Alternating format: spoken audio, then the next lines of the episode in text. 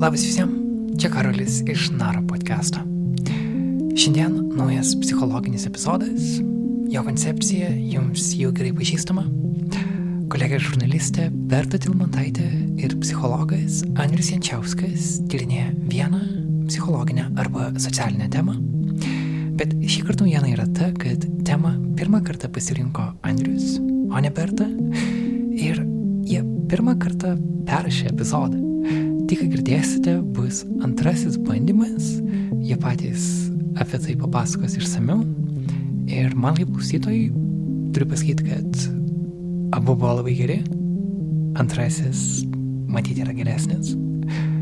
Tad tiesiog nerkime į jį.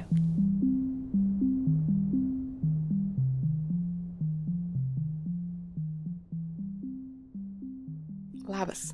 Labas. Pradėkim gal kaip visą laiką nuo to, kaip laikaisi.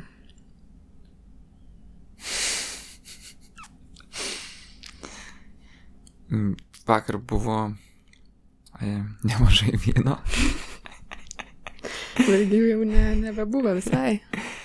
Tai šiandieną kažkaip e, fiziškai yra silpnoka truputėlį, bet tas palieka tokį iš dalies emocinį lengvumą, nes toks tarsi abejingumas didesnis pasauliui.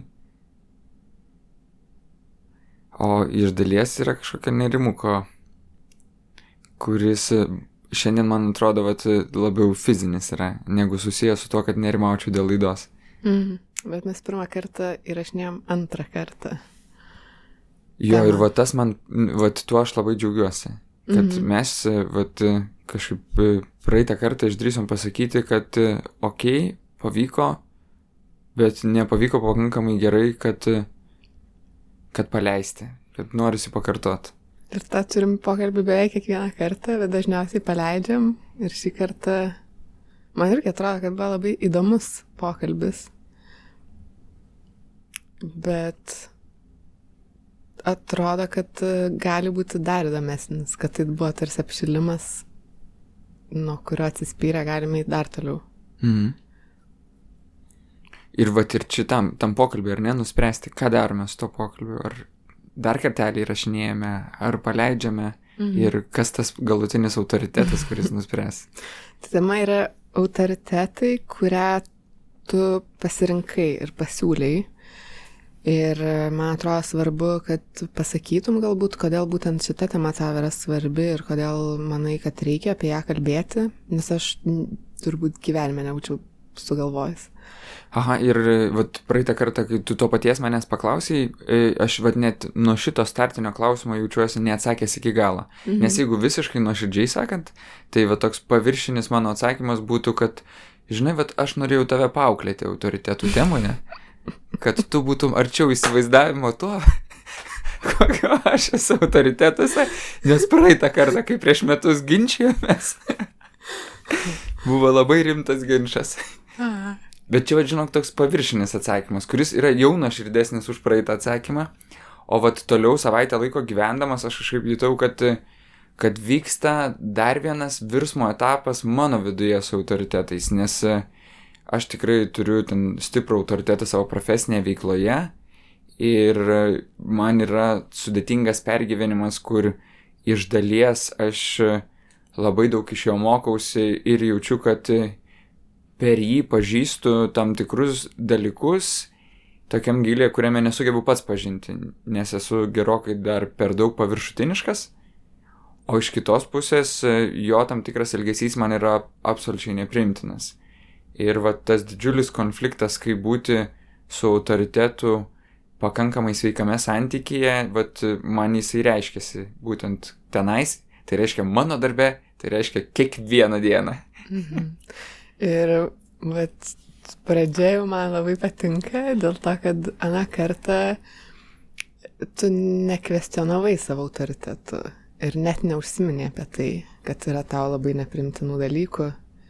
Ir būtent dėl to turbūt man, man labiausiai atrodo, kad pokalbis nevyko iki galo. Mhm. Ir galbūt tau irgi liko neužbaigtumo jausmas. Taip, nes turbūt mano lūkestis buvo, kad tu pakvestionuosi ir tada aš jau galėsiu pasiaiškinti.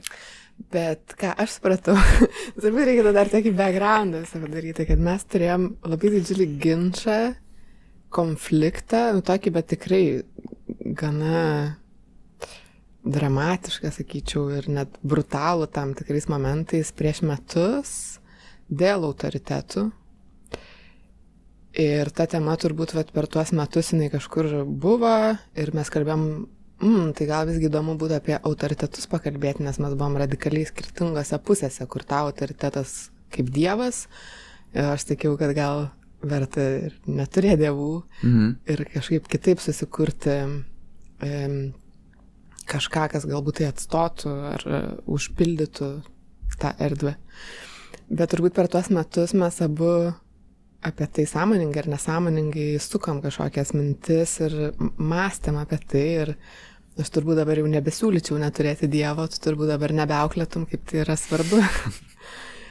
ir em, tada praeitą kartą įrašinėjom pokalbį ir būtent dėl to aš per daug ir nekvestionavau, nes manau, kad tai gali būti pavojinga Pavojinga, kvestionuoti dievybę arba autoritetą.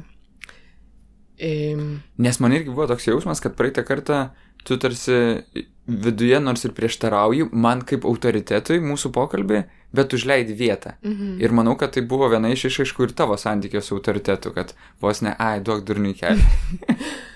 Tai va, tai tada vadinasi, šiandien tokį visai įdomų pasidedam pradžią atvirumui, nes gal aną kartą dar irgi buvo baimės to konflikto e, šešėlio, kad o tai jeigu dabar tai pasikartos ir mes nesugebėsim e, kažkaip su tuo susitvarkyti, Mhm. gal dėl to buvo daugiau to aptakumo. Im, Bet jeigu pasidedam tokį pagrindą šiandien, tai turbūt galim susitvarkyti ir abu esam atviri eiti tas zonas, kurios galbūt prieš metus buvo Nepatogius. mm, ir net pavojingas galbūt. Mm. Tai kodėl visgi yra, kodėl mes kalbam apie autoritetus, kiek tai yra svarbu tavo gyvenime? Tai aš tai jaučiu, kad e, užaugau stiprioje autoritetų įtakoje ir visą laiką tai nebuvo tik tai kažkoks vienas žmogus. Tai buvo autoritetų ansambliai, Mhm. kuriuose keitėsi būtent tie žmonės, kurie groja pirmaisiais muikais. Ir toliau tas kismas vyksta. Bet tuo pačiu galvodamas apie vat, tą evoliucijos kelią su autoritetais, tai nu, puikiai suprantu ir tą teoriją, kad iš pradžių kiekvieno mūsų autoritetai yra tėvai, natūraliai mes juos iš pradžių idealizuojame, pervertiname ir esame labai stipriai nuo jų priklausomi, didėjant po truputėlį mūsų savarankiškumui, mes jau turim galimybę nuo jų atsisieti, įgyti kitų autoritetų ir kiti žmonės daro mums įtaką. Ypatingai jeigu tėvai buvo pakankamai į pagarbiame santykiai jau su mumis, tai mums lengva priimti ir tada kitus į pagarbų santykiai. Ir tada tėvus pakeičia kiti žmonės, vyksta aišku dažnai ir tas nukarūnavimas tėvų, kuris pasireiškia nuvertinimu. O tobulų atveju paskui vyksta iš tokio pervertinimo, kaip per, per idealizuoju juos ir nuvertinimo, kaip galvoju, kad patie kažkiek vailiai nesuprantantis pasaulio, toks išsigryninimas į vidutinį modelį, kur aš matau, kad taip, yra dalykų, kur vis dar remiuosi jais kaip autoritetais, yra dalykų, kur apskritai esu ten dėkingas visą gyvenimą, bet jau suvokiu, kad e, iš kažkokių aplinkinių žmonių daugiau girdžiu tiesos negu iš e, tėvų. Ir tada iš dalies yra ir nemaloni situacija šiek tiek tėvam, bet ir nemaloni situacija, tarkim, ir man pačiam, ar ne, kaip, kaip būti su savo ten tėčiu kaip autoritetu ir kaip didžiausiu savo gyvenimo autoritetu, jeigu jau dabar turiu žmonių, iš kurių vat, jaučiuosi gaunantis daugiau suvokimo, kurį net jam norėčiau perduoti. Bet vat toliau kažkaip tais nebandyti stotis į poziciją autoriteto jam, nepradėti ten jo kažkaip auklėti. Tai vad kaip būti autoritetingam santykiai su juo, bet abipusėme. Vat man čia atrodo yra labai sudėtinga. Mhm. O kas, kaip, kaip kažkas pelno tavo atveju asmeniškai galimybę ar būti vadinamu, būti vadinamu autoritetu? ka, kas nutinka, kad tu pavadini kažką autoritetu. Mhm. Aš tai galvoju, kad, nu, vat, kol nesirašiau šitai laidai, tai dažnai net ir nu, nepastebėdavau, kad kažkokie žmonės yra ar ten nėra autoritetai. Daugiau, vat, ruošimas šitai laidai buvo kaip galimybė inventorizuoti savo autoritetus ir pastebėti, kad kažkuriuose srityse vieni, kitose kiti žmonės. Bet e, dažniausiai tai sakyčiau, kad e, mano mokytas daktaras Alekseičikas turi tą pasa pasakymą, kuris yra rusiškas ir kuris remiasi į du žodžius, kurių kurių lietuvių kalboje nėra. Tai ten yra pravda ir įstina, ir, ten, ir vienu ir kitu atveju mes turbūt verstume tai kaip tiesą, nors iš tikrųjų tai tarsi ta įstina jau tokia yra grinoji tiesa, kuri, kuri kažkaip tai vad išsiskverbia ir tu jauti, kad vat, čia yra grinoji tiesa. Kaip pravda būtų nuomonės, kur skirtingos nuomonės, kur ten tik tu gali būti teisinga, tik aš teisingas ir mūsų abiejų tos dvi, du, du teisingumai absoliučiai nesutampa, bet va mes abu teisingi. Bet va ta įstina jau kažkokia bendra. Ir jis turi tą gražų pasakymą, kad įstina e, eta ni, ni iš to, a įstina eta to. Kad labiau klausimas yra, kas tavo pasaulyje yra tas žmogus, per kurį va tu pažįsti kažkokias gilesnės tiesas, kurių prieš tai nepažinojai. Tai va tas man turbūt labiausiai yra autoritetas, kad yra toksai jausmas, kad tas žmogus ir labiausiai, kad ne tik tais e, savo ten žodžiais, bet ir savo gyvenimu e, simbolizuoja tam tikrą siekėmybę, kuri man yra dar nepasiekiama kurią aš labiau matau kaip savo kryptį, kad vad link ten norėčiau judėti, link ten norėčiau aukti, tai man yra patrauklu ir va toks aš norėčiau ateitie būti. Tai kažkuria prasme tai yra kaip pavyzdys, kad vad ar naują dalį savęs noriu užsiauginti, ar net kažkokios dalies atsisakyti ir labiau kaip tas žmogus elgtis. Ar autoritetas apskritai būtinai privalo arba būna žmogus? Mhm.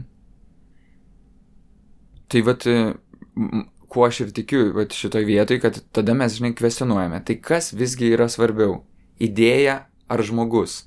Ir čia, žinai, vat, visai nesenai idėjom vadovaudamisi žmonių, žmonės milijonais žudė, nes idėja buvo iškelta virš žmogaus. Tai aš manau, kad visų pirma yra žmogus ir tik tais per tą žmogų ateina idėja. Mm. Mm. Man tas įdomu, galbūt dėl to, kad kadangi nuo praeitos savaitės aš toliau apie tą temą galvoju, su draugais kalbėjom ir dabar prieš šitą pokalbį su draugė Mantė kalbėjom apie tavo autoritetą ir kažkaip abi bandydamas įvardinti, kas tai yra, labiau vardinam kaip kažkokį neįkūnytą, neižmogintą kažkokių vertybių ar tų idėjų rinkinį, mm, kuris yra tarsi beformis, bet toks kažkaip nurodantis kryptį, Mhm. bet nesusijęma su vienu žmogum, o tai gali būti vat, kelių žmonių, ar kelių patirčių, ar kelių e, suvokimų, kažkokia, kažkoks darinys, kuri kiekviena savo ten stato lipda ir kuria kaip tokį atsietą nuo, nuo konkretaus žmogaus, vieno žmogaus galbūt O kodėl atsieta, kaip tu manai?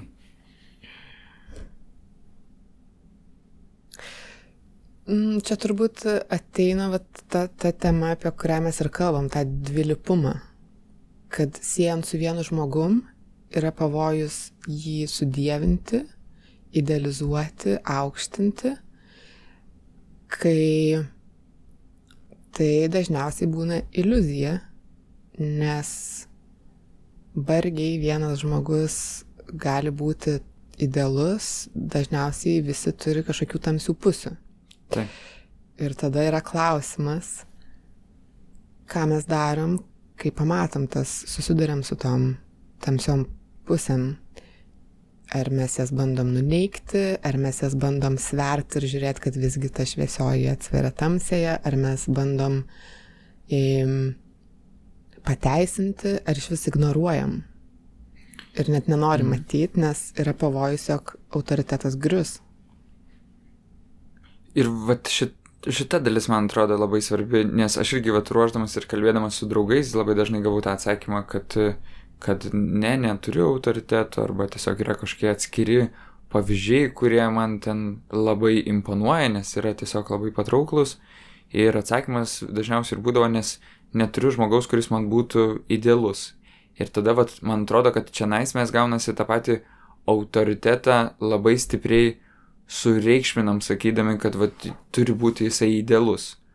O, o man atrodo, kad vat, mano viduje, kad aš jaučiu, kad man jau išeina matyti savo autoritetą neidealų. Aš jaučiu, kad vat, kad per jį jau reiškiasi didelis kiekis tiesos ir labiausiai negu per visus kitus žmonės, kuriuos aš esu sutikęs vat, šitame gyvenime, per, tarkim, mano mokytą daktarą Alekseičiką. Bet tuo pačiu nedingsta jo žmogiškoji pusė, jo žmogiškoji istorija, jo kilmė ir gyvenimas, nežinau, ten, jeigu jam yra 81 metai ar ne, tai mes kalbėtume apie tai, kad tai yra žmogus, kuris 40-aisiais gimė ir reiškia, jisai pats tiesiogiai ten, nežinau, patyrė karą, slėpėsi po tėčių ten nuo kažkokių krentančių bombų, išgyveno tą nežinomybę, kai tėtis buvo išvesta, išvežtas į koncentracijos stovyklą. Nu, jisai labai stipriai patyrė daug totalitarinės valdžios ir neišvengiamai jisai ir patyrė daug tokių griežtų ir stiprių autoritetų, kas neišvengiamai formavo ir jo būvi pasaulyje. Tai man atrodo, kad e, didelė klaida yra iškontekstinti. Ir kai tada mes, e, nes visą, va čia man atrodo taip ir susiformuoja toksai perfekcionistinis vidinis kritikas, kuris iš manęs reikalauja idealumo. Nes čia lygiai taip pat jis iš kitų žmonių reikalauja idealumo, o neleidžia būti jiems žmogiškais. Mm. Kad vad kažkame jis turi daug tiesos, už tai aš jį priemu kaip autoritetą ir tuo pačiu priemu ir su jo silpnumais kad aš ten, nežinau, nesėku keurai ir neužsimerkiu į tuos silpnumus. Bet tu pasakai, pradedu priimti. Tai reiškia, kad Taip. ilgą laiką nepriimiai ir dar turbūt net ne iki galo priimi, bet pradedi priimti. Taip, taip, kelionė jaučiu čia nais yra. Nes vat, jaučiu, kad tai yra balansas. Kad e, kuo mažiau man pavyksta priimti jo silpnumus, tuo labiau aš jaučiuosi atsitraukęs. Ir vat už tai, man atrodo, kalbėdami apie autoritetą, mes to pačiu turim kalbėti ir apie santyki ir kaip aš sugebėjau formuoti santyki su autoritetu. Ir be abejo, lengviausia turėti santyki, kaip nežinau, į romantinius santykius lengviausia yra turėti su, ten, tarkim, su nuotoliniu žmogum, nes, nes mes nesipykstame, pasišnekame, va, mal... tai aišku yra sudėtingas santykis, bet kažkuria prasme jis lengviausias, nes mes neturim bendros būties, nesame pabodę viens kitam, ten susitinkame, kas tarkim dvi savaitės savaitgaliui, kiekvieną kartą tai yra romantinis sprogimas. Bet vat, dėl to ir tokie tolimi autoritetai, kaip dažnai žmonės pasako, va, mano autoritetas ten yra Dalai Lama, ar nežinau, koks mūdžis ten Indijoje va tokie tolimi, kuriuos kelis kartus girdėjau. Aš irgi turiu va tokį tolimą autoritetą, kurio nemažai esu perklausęs, ar ne, dėl kurio mes ir turėjom konfliktą. Mm. Jordan Peterson. Tai gal prie šito dar irgi sugrįžime. Bet grįžtant vat, prie, prie daktaro Alekseičiko ir manęs, ir mūsų santykio, aš jaučiu, kad kuo daugiau man pavyksta atrasti būdo, kaip priimti ir būti su jo tam tikrais sudėtingumais, kurio man asmeniškai yra sudėtingi, tuo daugiau kažkaip ir e, vat, tos tiesos pavyksta priimti. Tarsi tai yra balansas. Nes kuo aš esu arčiau santykė jo, tuo man atrodo, man yra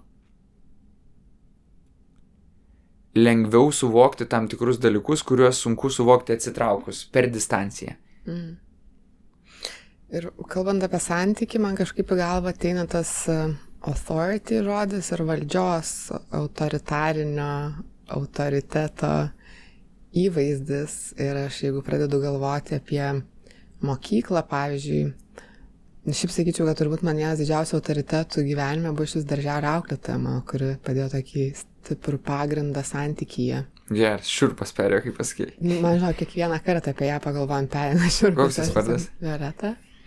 Auklėtoja Violeta, aš taip ir vadindavau nes atrodo, kad jinai padėjo pamatinį pagrindą žmogiškumui. Iš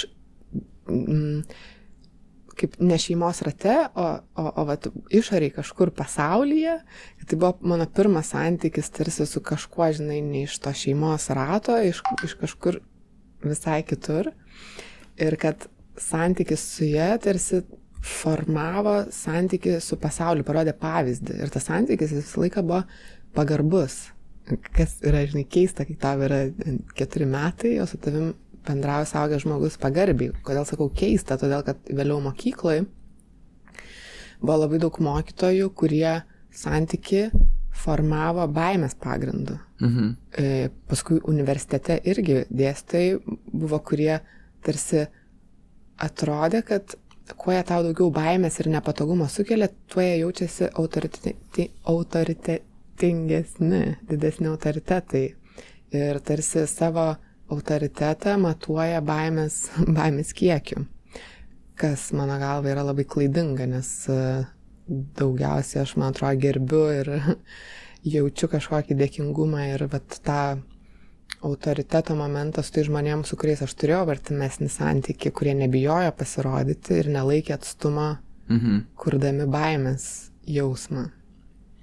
Ir man atrodo, kad iš dalies tai yra vat ir kultūros palikimas, ar ne, nes anksčiau nu, vat ir buvo suvokiamas tas griežtesnis bendravimas, hierarchiškesnis bendravimas, daug aiškiau, aiškiau išreikštos pozicijos, ar ne, kad, kad tu čia atėjai pas mane, aš tau paaiškinsiu, kaip, kaip čia iš tikrųjų viskas vyksta. O iš kitos pusės tai yra ir toksai laiko prasme efektyvesnis ir lengvesnis pasirinkimas. Tai aš manau, kad dažnai tai yra ir toksai taupimas energijos, ypač universitete aš galvoju, kur, kai dėstytojas vos ne, ką šiandien tau aiškinsiu, tu, tu kves, čia nais turi nekvesionuoti, o suprast, kad vat, yra taip ir taip ir taip. Tai jis kaip ir taupo laiką. Bet iš kitos pusės gal ir... Menkinimas ir... Gal ir prisibijo, kažkoks... kad negali, negali atsakyti visus tos klausimus. Mm. Tai be abejo, tame yra daug baime grįsto santykio. Mm -hmm. Kur visų pirma tie patys žmonės yra bijantis. Tai ta agresija, ne, kuri reiškiasi iš jų pusės, dažniausiai jinai kalbėtų apie tai, kad visų pirma jau jie yra ilgoje linijoje, kur patyrė daug agresijos ir nešasi daug vidinio skausmo, iš kitos pusės jie yra ilgoje linijoje, kur patyrė daug grėsmingos agresyvios valdžios, kurie jiems kėlė baimę. Ir va tas baimės surišimas su pagarba.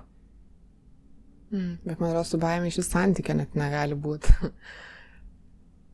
Man atrodo, kad baimė gali būti kitokia. Vat, e, baimė, vat, e, žinai, visai kitokia baimė yra, kai bijau nuo tėčio gauti galvą ir kitokia baimė, kai bijau apvilti tėtį. Mhm. Nes labai gerbiu ir lab, man labai gera, kai jisai manim džiaugiasi, manim didžiuojas ir man labai liūdna, kai matau, kad jisai nuliūdo, kad, kad aš nesugebėjau kažkaip susitvardyti ir tai yra visai kitoks santykis. Mhm.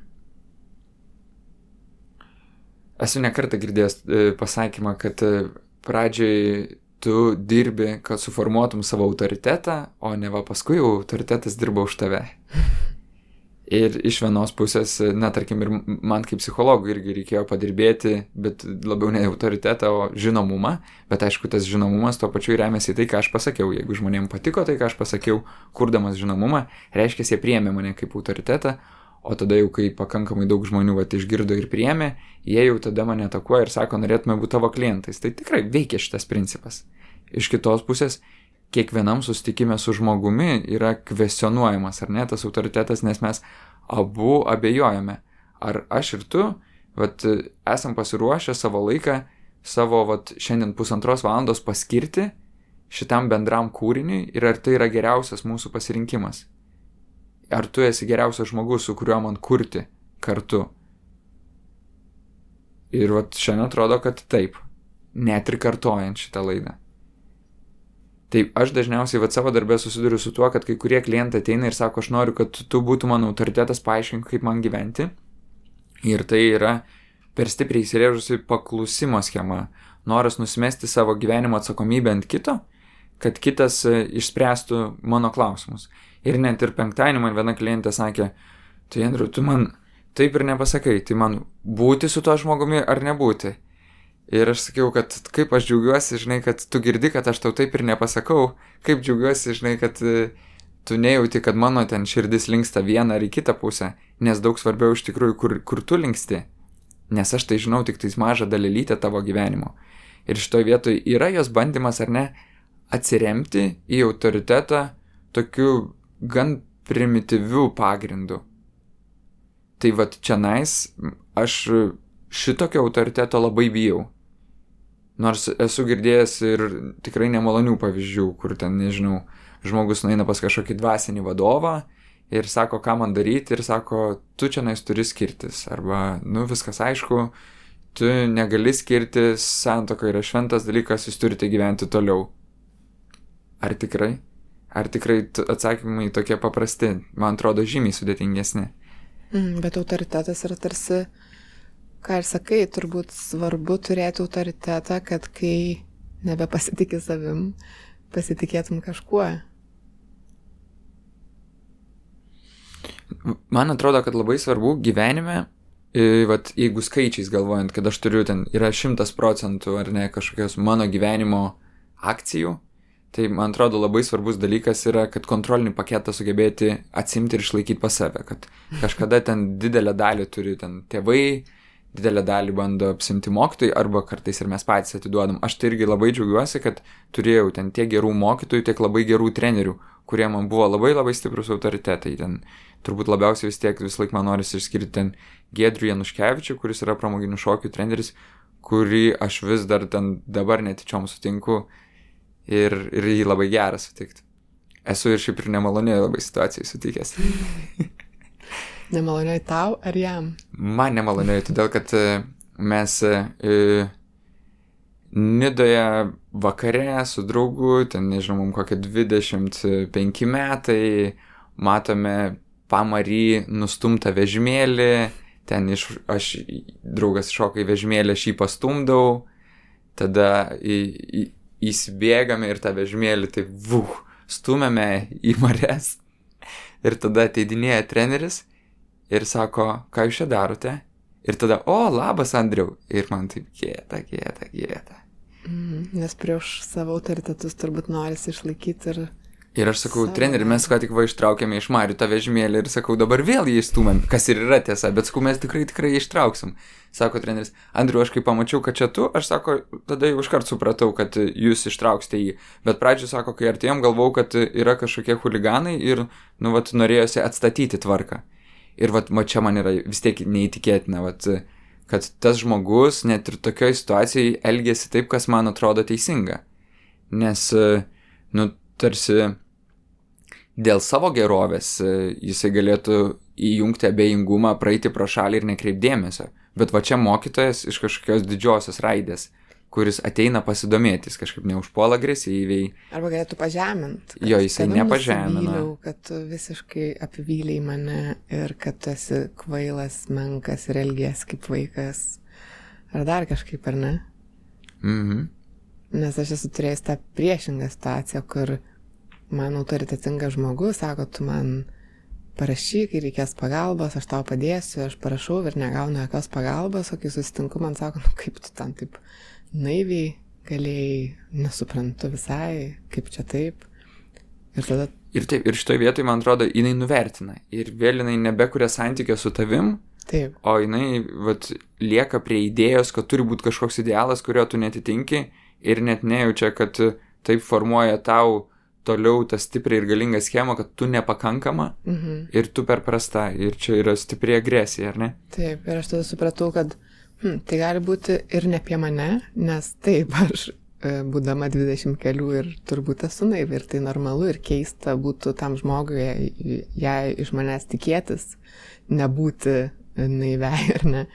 Ir jeigu sakai, kad padėsi, nu tai ir padėk, kad ir kaip ten kažkas būtų. Ir, supratau, kad galbūt tai ne tik apie mane yra, bet ir apie tą patį žmogų. Ir ką dar savo pasisakiau, kad aš taip niekada neselgsiu su kitais žmonėmis. Aš tada pradėjau dėstyti universitete, e, turėjau puikių pavyzdžių Danijoje ir Kinijoje besimokydama dėstytojų, kurie nekūrė santykio grįstų baimę, bet kūrė santykio grįstų atvirumu. Niekada nežemina, nekvailina, nebandė tos hierarchijos statyti. Ir, nu, aš galėjau rinktis, kuriuo man keliu eiti. Ir to atvirumo tai yra gerokai baisiau, dėl to, kad tu būni pažeidžiamas. Net ir santykiuose su draugais um, yra baisu, kai apvili. Ir labai svarbu, kaip į tai sureaguoja tie draugai tavo apvilimą arba vat, um, tie, kuriem tu galbūt esi tas, nu, toks teorinis autoritetas, jeigu esi dėstytojas, mokytojas, treneris, dar kažkas. Ir aš tada vat, tuo momentu apsisprendžiau, kad aš niekada nežeminsiu, nemenkinsiu ir elgsiuosi pagarbiai kito žmogaus atveju, pati būsiu atvira ir šitaip kursiu tą santyki, kad hierarchija gal nėra būtina. Ir mes čia atkeliaujam prie to sudėtingo klausimo, ar tikrai nėra būtina. Mhm. Nes man atrodo, kad hierarchija yra duotybė ir neišvengiamybė, tik gal jinai gali e, nebūti agresyvi. Nes man atrodo, kad jeigu žmogus imasi tave teisti ir tuo pačiu neparodo tau jokios atjautos, tai tada jau mes kalbame apie agresiją. Bet jeigu žmogus kupinas atjautos stengiasi padėti tau būti geresniam, tai va jau priklauso nuo to, kokį jų santykiai suformavė. Ir va čia yra ta sudėtinga dalis, nes daktaras Alekseičikas tikrai dažnai turi daug nuvertinimo. Aš, ta prasme, tikrai esu girdėjęs bent šimtą kartų, kad esu ten jaunas, durnas psichologas, kuris nieko nesupranta ir kad, nežinau, esu ten šūdinas profesionalas. Iš kitos pusės, žinai, esu gavęs ir atrodo labai daug palaikymo. Ir kad kartais tokiuose pasakymuose labiau girdžiu jo, jo būdą išreikšti pyktį ir išreikšti pyktį tiesiai, bet kažkaip neslėpti, ten nenusivilti ir girdžiu jo tam tikrą stačiokiškumą, su kuriuo, man atrodo, jis ir gyvena visą šitą gyvenimą. Ar jis gali būti kitoks, nu kažkaip, man atrodo, naivu man būtų norėti, kad žmogus būtų kitoks už tai stengiuosi priimti tokį, kaip jis yra. Nes girdžiu, kad visą tai jisai daro vis tiek, vad, kupinas meilės ir noro, kad man būtų geriau. Ir tada net ir tie žodžiai, jie netrodo kažkiek užgaulus. Nes man atrodo, problema nėra ten žodžiuose, ar netgi kartais ten tuose pačiuose veiksmuose. Problema labiausiai yra santykiai, kuris formuojasi per ilgą laiką. Mhm. Bet tu turi tą santyki ir vad gali tarsi atskirti ir pamatuoti, atmesti kažkokį žodį, nes turbūt pat žinai, kad nesi šūdinas, o jeigu esi, tai kažkaip eini link kažkokia kryptim. Bet iš kitos geresniu. pusės jaučiu, kad tikrai daug nuolankumo tame išmokau, nes e, tokio natūralaus noro susireikšminti, e, manau, kad jauname amžiuje jo yra labai daug. Natūralaus apskritai manau, kad vat, autor ir čia, žinai, čia jau yra kaip ir moksliniai faktai, tiek iš Gražinos Gudaitės tyrimų, tiek lygiai taip pat iš profesorės Gailienės tyrimų apie tai, kad, kad autoritarinėse visuomenėse užaugę žmonės, jie santyki su autoritetu dėl to, kad tarsi skiriasi tai, ko jie nori ir ką reikia prieš valdžią demonstruoti, įgyja labai sudėtinga. Išmoksta, nežinau, slapstytis, vengti, apgaudinėti, kurti dvigubą gyvenimą, iš vienos pusės vieną demonstruoti, iš kitos pusės vad kitaip savo viduje norėti. Ir tada e, turi kažkokių tai vad autoritetų, nežinau, ten namuose paslapčiomis, bet negali garsiai išreikšti to, ką iš tikrųjų galvoja. Tai kai jau esame laisvoje Lietuvoje, va šitą situaciją, jinai keičiasi, ne? Bet klausimas, kaip įvyksta kartų mainai, kol tapsi, ne, kol ne tik norėsis maištauti prieš autoritetus ir sakyti, kad mes žinome geriau, bet kad atsiras ir galimybė sakyti, kad gerai, vat prieš kažką aš maištauju, nes man nepatinka, bet o kažką renkuosi kaip vedliu, nes girdžiu, kad vat jo idėjos man yra fainos. Kaip ir pradedu pripažinti valdžią, nes juk mes visi gyvenam visuomeniai, kur pripažįstame, kad, nu, vat, gali priimti už mus įstatymus, ten Seimo nariai, gali vyriausybė priimti sprendimus, kurių visi laikomės. Tai mes pripažįstame tą hierarchiją ir valdžią ir norime, kad geriau būtų tokia valdžia, o ne, nežinau, viršui sėdėtų vienas žmogus, kuris 20 metų pats spręstų, kuria linkme turi keliauti valstybė. Vat nebenorime tokio pasaulio. Tai man atrodo, kad vat, tas santykis kad kaip pripratome norėti, kad valdžioje vyktų permainos, nes valdžia yra pavojinga, e, pavojing, pavojinga savo paties trauka, kad kaip, kaip ir, nežinau, žiedas iš, žiedų valdovo, kad per ilgai pabūs valdžioje yra labai sudėtinga. Tai man atrodo, kad per ilgai gyvenant ir stipriai būnant tik tai psichoterapeutu, bet taip stipriai nekuriant ten asmeninių ryšių, asmeninių santykių, nebūnant taip giliai ten tėčių, senelių, vyrų, irgi yra labai pavojinga, nes labai lengva yra susireikšminti ir tapti tokiu dievu, nes vis tiek labai dažnai psichoterapeutas ir yra priemamas kaip autoritetas.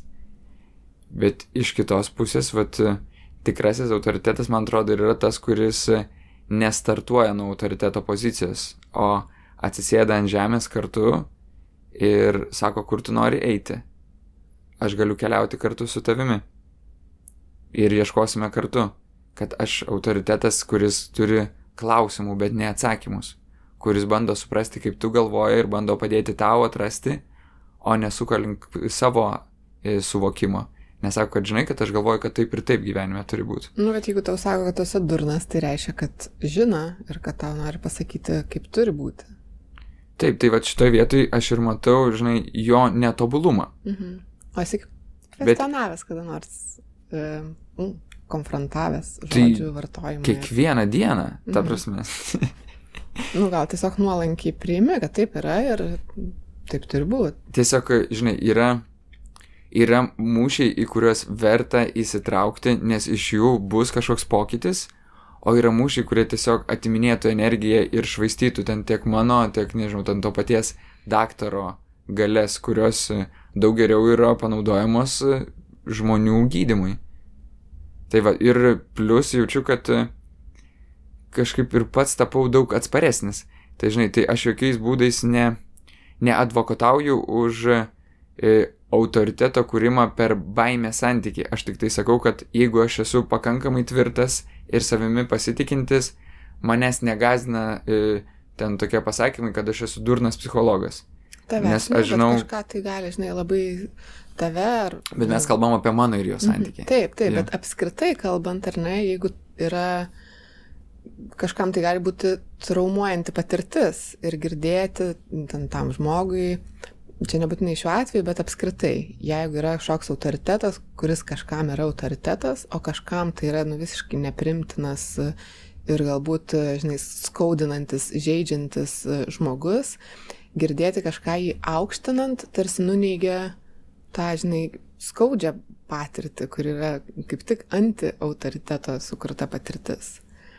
Ir dėl to atrodo, kad svarbu šnekėti apie abi pusės ir niekada ten neišaukštinti ir nesudėvinti ir nesuidealizuoti visko arba kažkaip nenurašyti labai lengva ranka e, tų ir tokių kvestionuojamų dalykų. Nežinau, ar visą laiką būtina, kad, o, tai labai geras ten profesionalas, bet e, kad tai netaptų tokiu nuolatiniu, žinai, sverimu, bet kita vertus visiškai netkreipti dėmesio į tas kažkokias tamsias pusės yra pavojinga tų, kuriem, kuriuos tai kažkaip žaidžia ar net traumuoja. Taip, ir šitoje vietoje nu, mes vėl grįžtam prie to balanso, ne? Ir grįžtam prie to, kad nu, vis tiek jeigu pas mane yra kontrolinis akcijų paketas, tai aš renkuosi būti ten ar nebūti. Bet jeigu nėra, jeigu tau tai net taip pasisekė gyvenime tą paketą susidėlioti ir tu turi psichologinių problemų, tu turi traumų, su kuriuom tu bandai tvarkytis ir tas tavo paketas neaišku iš vis kur yra ir kiek tu turi. Ir tada tam tikri autoritetai gali tapti net pavojingi, turbūt taip ir formuojasi kultai, religiniai sektos, kurie būtent naudojasi žmonėm, kurie vat, neturi to kontrolinio paketo. Kuo, ir... kuo, kuo mažiau saugų autoritetą namuose patyrė žmogus, tuo daugiau šansų, kad jisai vat, turės vat, kažkur tai tokį agresyvų autoritetą ir jį priims. Nes ieškos būtent tos kažkokios figūros, kurią pasitikėti galėtų. Kodėl tai lemia? Vat kažkuria prasme atsakymas būtų, kad jisai turi iškreiptą santyki su autoritetu. Iš kitos pusės, žinai, gali būti ir labai e, stiprus tas schemos atkartojimas, kad tarkim yra skirtingai, kai kurie žmonės e, atkeliauja į tokį santykį dėl to, kad apskritai ten niekur aplinkui nebuvo stipraus autoriteto ir visą laiką trūko tokio balso, kuris aiškiai ir griežtai pasakytų, kur keliaujame. Ir pagaliau jaučiasi atradę, kad o pagaliau, vat, nereikės klaidžioti, nereikės sudėtingai susitikti su šitą neapibriešta nežinomybė, nerimauti, spręsti, abejoti, o va yra kažkas, kuris sako, einame ten. Mhm, taip Čia viena istorija. yra Gatvės e, gaujas turbūt, ar ne, kur... Bet kita istorija gali būti taip pat, kad atvirkščiai na- namuose yra tėtis, kuris sako, kad, kad turi būti taip ir ne kitaip, ir niekas čia nekvesionuos. Ir tada tai tampa įprastu modeliu, kad aš įprantu paklusti ir tiesiog pasiduodu, surenderinu šitai schemai ir toliau keliauju į tokį priklausomą santyki. Arba iš vis nuneigiu tai ir atsisakau apskritai jokių autoritetų ir nenoriu niekam paklusti. Taip. Ir būnu tik pats savo pavaldus, iš ko kyla dar kiti pavojai. Kyla pavojai taip, kad neturiu iš ko mokintis, ar ne? Mm. Bet nu, visas, visas turbūt sudėtingumas ir yra tai, kad vat, neišvengiamai, nu, tu ten būdamas vienas, šešiolikos, tu nenugyvensi tolesnio likusio gyvenimo, tu vis tiek remsiesi į kažką. Tai klausimas, nu, vat, kas bus tie žmonės, kuriuos remsiesi ir kaip sakai, labai dažnai ten sudėtingoje socialinėje situacijoje esantis žmogus įsivels į kažkokią gaują, kur autoritetas remiasi į tai, kad, e, nežinau, koksai gaujos lyderis yra labiausiai rizikuojantis e, jaunuolis, kuris e, elgėsi agresyviausiai ir kaip e, tas žmogus, kuris tyčiojasi iš kitų, gauna kitų prieimimą. Tarsi užsitarnauja per agresiją savo autoriteto poziciją ir tai tampa įprastas elgesio modelis. Mm. Iš kitos pusės mes stebime labai akivaizdų pokytį, ar ne, kad visuomenė mes sakome, kad jau patyčios nėra gera dalis, kad neskatiname, kad mušti vaikus nėra gera dalis, kad e, sakome apie tai, kad, į, kad jeigu žmogus nenori mylėtis, kad jis ten turi šimtaprocentinę teisę sakyti stop, kad peržengti jo ribas irgi yra seksualinė prievarta, net jeigu tai vyksta šeimoje tarp vyro ir žmonos. Tai atrodo, kad tokią akivaizdžią agresiją mes vis mažiau toleruojame. Ir kad e, jeigu pasižiūrėtume ir į tyrimus, tai agresijos kiekis mažėja, didėja saviagresijos kiekis. Tai atrodo, kad vat, to, čia ir yra toksai valymosi procesas, ar ne, kad iš dalies mes esame jau vis mažiau agresyvūs vieni su kitais, iš kitos tai pusės neprimtina. tarsi ta agresija, yra dar vis dar daug žmonių, kurie prisikentėjo ir tą agresiją prieš save naudoja. Mhm. Dėl to, kad viešai tai jau yra nebeprimtina, tai tu tik tai pats su savim tada į save ar neišlieji. Tai... Ir aišku, labai sudėtinga yra, kai yra e, prieštaringi dalykai, ne, kur žmogus duoda ir labai daug meilės ir šilumos, ir tuo pačiu labai daug agresijos. Mhm. Ir va tada klausimas, ne, kiek jisai mums padeda, o kiek jisai kenkia. Bet iš kitos pusės, va jeigu aš žiūrėčiau į, į žmonės, kurie tenais ateina į ligoninę, tai yra žmonės, kurie gyvenime labai mažai gavo tos šilumos ir meilės ir tikrai labai daug patyrė agresijos ir skirtingiausios agresijos, tiek aktyvios, tiek pasyvios, atstumimo, apleistumo, nesirūpinimo. Ir čia nais, va, jie papuola pas stiprų autoritetą, tarkim, mano mokytoją. Ir dalinai jie gauna iš jo meilės, bet gauna ir agresijos, nes jisai gyvas žmogus. Ir man atrodo, kad galėtume į tai, į tą įprasminti skirtingais būdais. Galėtume sakyti, kad neatsargiai čia užgaus bus dar blogiau. Ir taip gali būti, kad kažkas vat taip įsiprasmina. Ir pavieniai kartai žmonės taip jaučiasi. Daug didesnė dalis jaučiasi, kad santykiai su juo įvyksta kaip ir exposure therapy, tai įvyksta toksai įveika, kad jie lengviau būdami su jo agresija išmoksta lengviau būti ir su pasaulio agresija. Nes pasaulis, kuriame jie gyvena, jis irgi nėra pukuotas, šiltas, nežinau, šiltnamis. Tenais irgi yra pilna žmonių, su kuriais reikia tvarkytis ir su jų agresija. Ir kai šita agresija vyksta sutartose taisyklėse, iš žmogaus, kuris tuo pačiu į visą laiką išlaiko ribą, neperspaudžia tenais, neperžengia ir tuo pačiu dar duoda šilumos ir šalia dar turi komandą, kuri duoda labai daug šilumos. Tada tarsi vyksta tas pats balansas, apie kurį kalbame. Tik vėl tame balanse, man atrodo, daug svarbiau yra didesnė šilumos dalis. Ir tuo pačiu aš galvoju, kad kaip ir savo autoritetus renkamės, tai jeigu tas autoritetas daugiau turi blogio, nu, labai retai mes jį žiūrėsim kaip autoritetą, ar ne? Kad kaip ir savo gyvenime, jeigu aš visą laiką ieškosiu tik tai kritikos ir kas yra manyje blogai, aš irgi negerai jausiuosi apie save. Tai va ta tarsi pozityvioji pusė, jinai bent kažkiek tai gerai, kai nusveria. Mhm. Šiaip atėjo per galvą apie tą agresiją, kalbėjimas ir apie turbūt tėvus kaip autoritetus, kad vyresnė karta, kai kyla diskusija, pavyzdžiui, apie smurtą prieš vaikus, ar ne, kad e, vyresnė karta, kuris sako, "Nu, tik aš čia tokia diržas rykštė, taigi reikia auklėt vaiką. Už vieną muštą dešimt nemuštų duoda. Nu, taip, Vienas muštas tai- daug geresnis, va, dešimt kartų. Ir ir tada sako, nu tai man irgi mušė ir viskas gerai, ten myliu tėtį, myliu mamą, būtų nemušę, būčiau užaugęs gal banditų ir nebūtų susitvarkęs su manim, kad tarsi pateisina irgi va tą e, smurtą ir agresiją. Ir, nu, aš galvoju, kodėl tai vyksta tas pateisinimas, ar tai yra nenoras susidurti su mm, galimom pasiekmėm to, ar nenoras, kad sugriūtų autoritetas, nes autoriteto griūtis turbūt yra labai skaudus dalykas. Mhm. Ar esi išgyvenęs autoriteto griūtį? Tai aišku, tai man atrodo, žinai, aš ten 14 metų išgyvenau autoriteto griūti, kaip ten mano tėtis man nebeatrodė tobulas žmogus, plus tuo metu jam buvo tikrai sudėtingas laikotarpis ir tada man daug labiau autoritetai tapo mano draugai ir tarsi atsi... atėjo tas laikotarpis, kai vat, aš gyvenu savo vilkų gaujoj ir, ir va mes tada prasidėjo gaujų laikas. Ir ten buvo autoriteto griūtis. Bet, žinai, iš kitos pusės, nu, mano tėtis irgi niekada nenaudojo fizinio smurto, nors jisai pasakojo, kad buvo situacija, kur jisai norėjo ten fiziškai mane paauklėti ir tada jo tėtis jį, jį pasikvietė ir sako, tu atsimeni, kad aš kada nors būčiau tave fiziškai auklės. Ne. Tai sako, va čia ir yra labai svarbi pamoka, kurią turi išsinešti.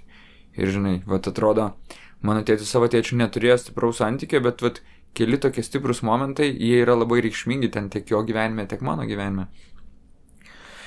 Manau, kad e, kalbėdami, e, kalbėdami apie tą vaikų mušimą, e, iš dalies, žinai, iš dalies žmonės tiesiog bando pateisinti save ir, nu, kaip tu ir sakei, ar ten pateisinti tėvus, bet tuo pačiu kalba ir apie svarbų fenomeną, kad vis tiek namuose tas konkurencija, ribų tikrinimas, tarpusavio varžymasis jisai vyksta. Tik tais jisai gali vykti be tokių griežtų formų, ar ne?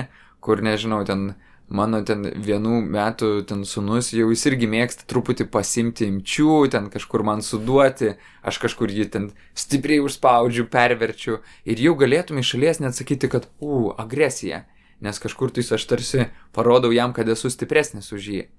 Bet iš kitos pusės tai yra žaidimas. Ane, tai vad, man atrodo, kad liūdniausia, kai, kai agresija yra labai noga, atvira ir tiesi ir jinai nebėra priimtina mūsų gyvenime. Nes jokiais būdais mes nesakome, kad vaikus galima auklėti fiziniu smurtu. Ir šiais laikais jau manome, kad negalima vaikų auklėti ir tuo pačiu psichologiniu smurtu, nežinau, ten uždaryti į tamsų kambariuką. Nors e, atrodo visi vis dar advokatauja apie tai, kad ten sustabdyti vaiką ir pasodinti ant, ant kėdutės ir sakyti, žiūrėk, atsisėsk ant solelio, tau dabar minutės per traukėlę, reikia pailsėti, kada primtum ir galėtum sugrįžti žaisti šeimo žaidimą, nes šiuo metu tau per sunku tai daryti. Tai prašau, steptel, pabūk, pakvepuok, aprimk ir tada sugrįž pas mus. Klausimas, ar tą per sunku, ar man per sunku. Tai manau, kad abiem pusėm, bet žinai, jeigu vaikas isterikuoja ir mėto daiktus į visas pusės, nu tai panašu, kad ir jam per sunku, kad tame irgi yra jau ir jo kančios klyksmas, kad jisai jau irgi nesijaučia pakankamai gerai, kad galėtų, nežinau, ten pakankamai susitvardyti ir elgtis gražiai. Mm. Iš kitos pusės, žinai, gal kartuoja kaip tėtis ar mama elgis. Taip.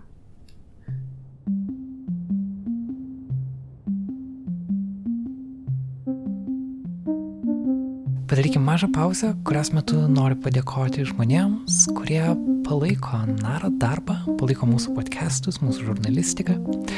Ir jie tai daro per Patreon platformą. Patreon Lietuvoje jau išplitęs, daugelio naudojamas, patikimas, duomenų nenutekinantis, tikėkime ir nenutekinsantis tinklalapis. Mūsų Patreon adresas yra patreon.com slash naralt, kaip vienas žodis.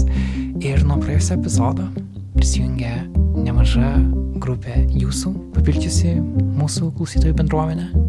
Aš noriu padėkoti asmeniškai kiekvienam iš jūsų. Taigi, naujausi Naro patronai yra Jorūnė, Beatričia Matiukaitė, Aistė Vanauskaitė, Ugnė Dijokaitė, Matas Rasgaitis, Viktorija Tamaliūnaitė, Akvilė Gaupšaitė, Rūta Pleikė, Skaistė Dikšaitytė, Dovilė Baskakovaitė, James Nixon, Miglija Rašiūnaitė ir Ramūnė Žvirblė Luraki. O savo per mėnesį skiriamą sumą padidino Šarūnas Judickas, Darius Žiedėlis ir Ignas Balčiūnas. Taip pat primenu, kad mūsų 100 eurų per mėnesį patronai yra Mailer Light, Blossom Wood Foundation ir Ramūnė Tam. Ačiū Jums visiems. Adresas prisijungti to dar nepadariusiems yra patreon.com/narlt. O dabar grįžtame pas Anglių ir Bertą, jie tęsia pokalbį apie autoritetus.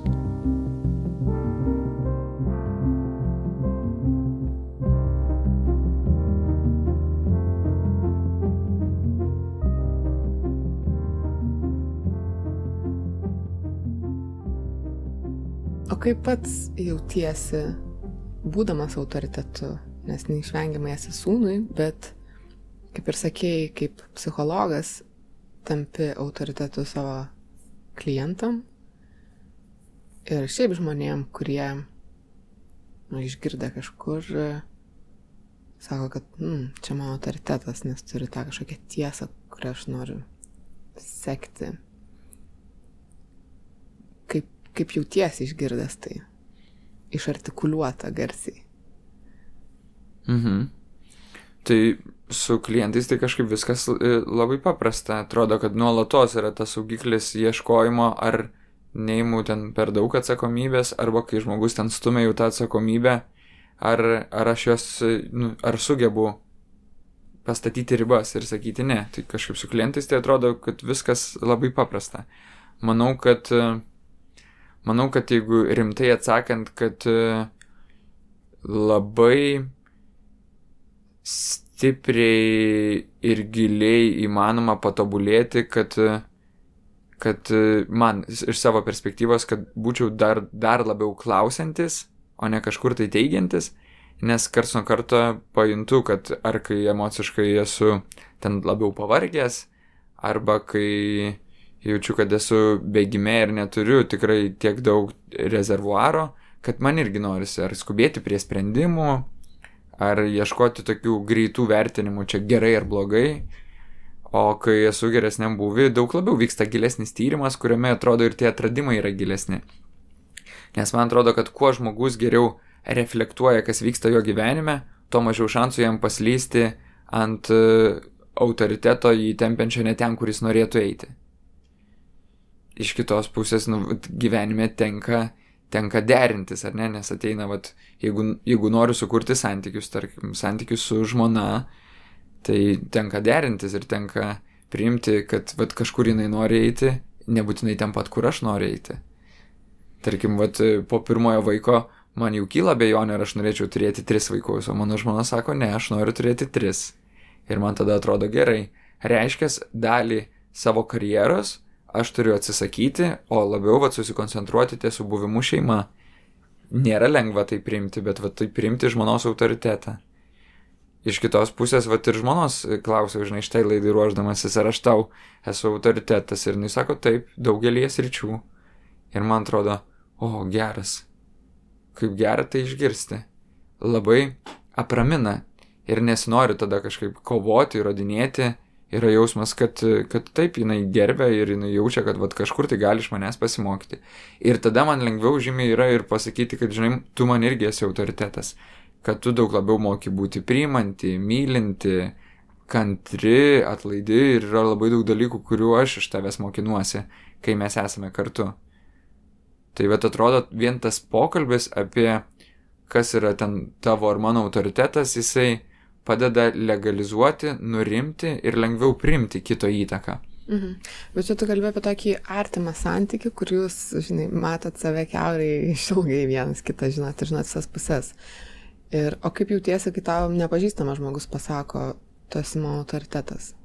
Ir čia be tų išvedžiojimų, koks tu galėtum, koks yra pirmas tavo jausmas, reakcija? Pirma, pirma reakcija? Mm. Tai pirma reakcija yra tokia, ui, kaip faina, kaip saldu toksai kaip saldu ir tada toksai, wow, wow, wow, wow, pala, pala, stop, nesąmonė, žinai. Ir norisi tai nuneikti, toks kaip tarsi, kad nesipratinti prie šito saldumo, nepuoselėti ten savo ego ir toliau, nežinau, ne. Toliau narcicizmo neauginti. Mm. Nes man tai priešingai, man pirma reakcija kaip tik yra tu nežinai manęs, kaip mm. aš tau galiu būti autoritetu, tik jeigu matai kažkokią labai mano mažą dalį, kuri yra tarsi tau autoritetinga ir mane tai iš karto nugazina irgi norisi neikti, bet ne dėl narcisizmo, dėl to, kad atrodo, kad nu, tai yra netiesa, nors turbūt gali būti fragmentuotas uh, autoritetų kažkoks vaizdinys.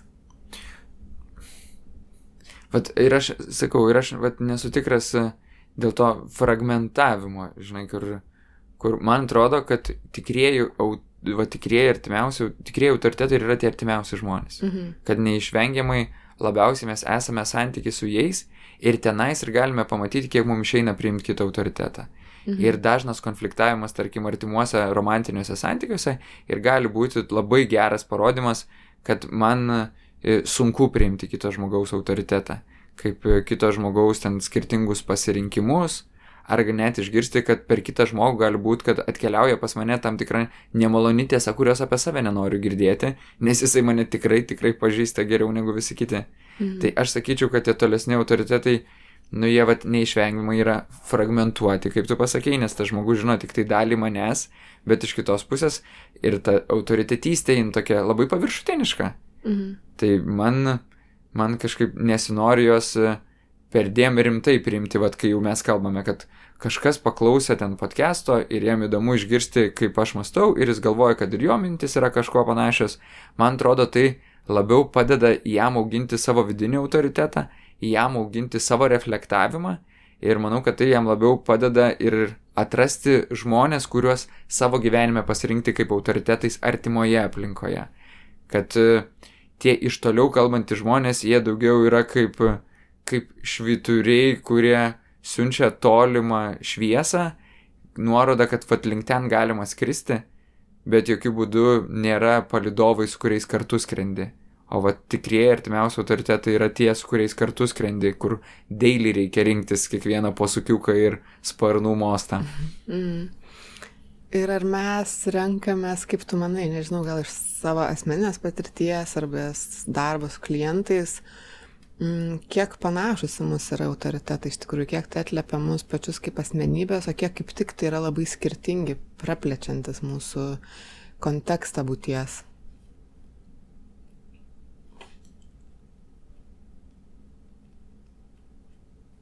Ar labiau skirtingi, ar labiau panašus? Toksai būtų tavo klausimas. Turbūt. Mhm.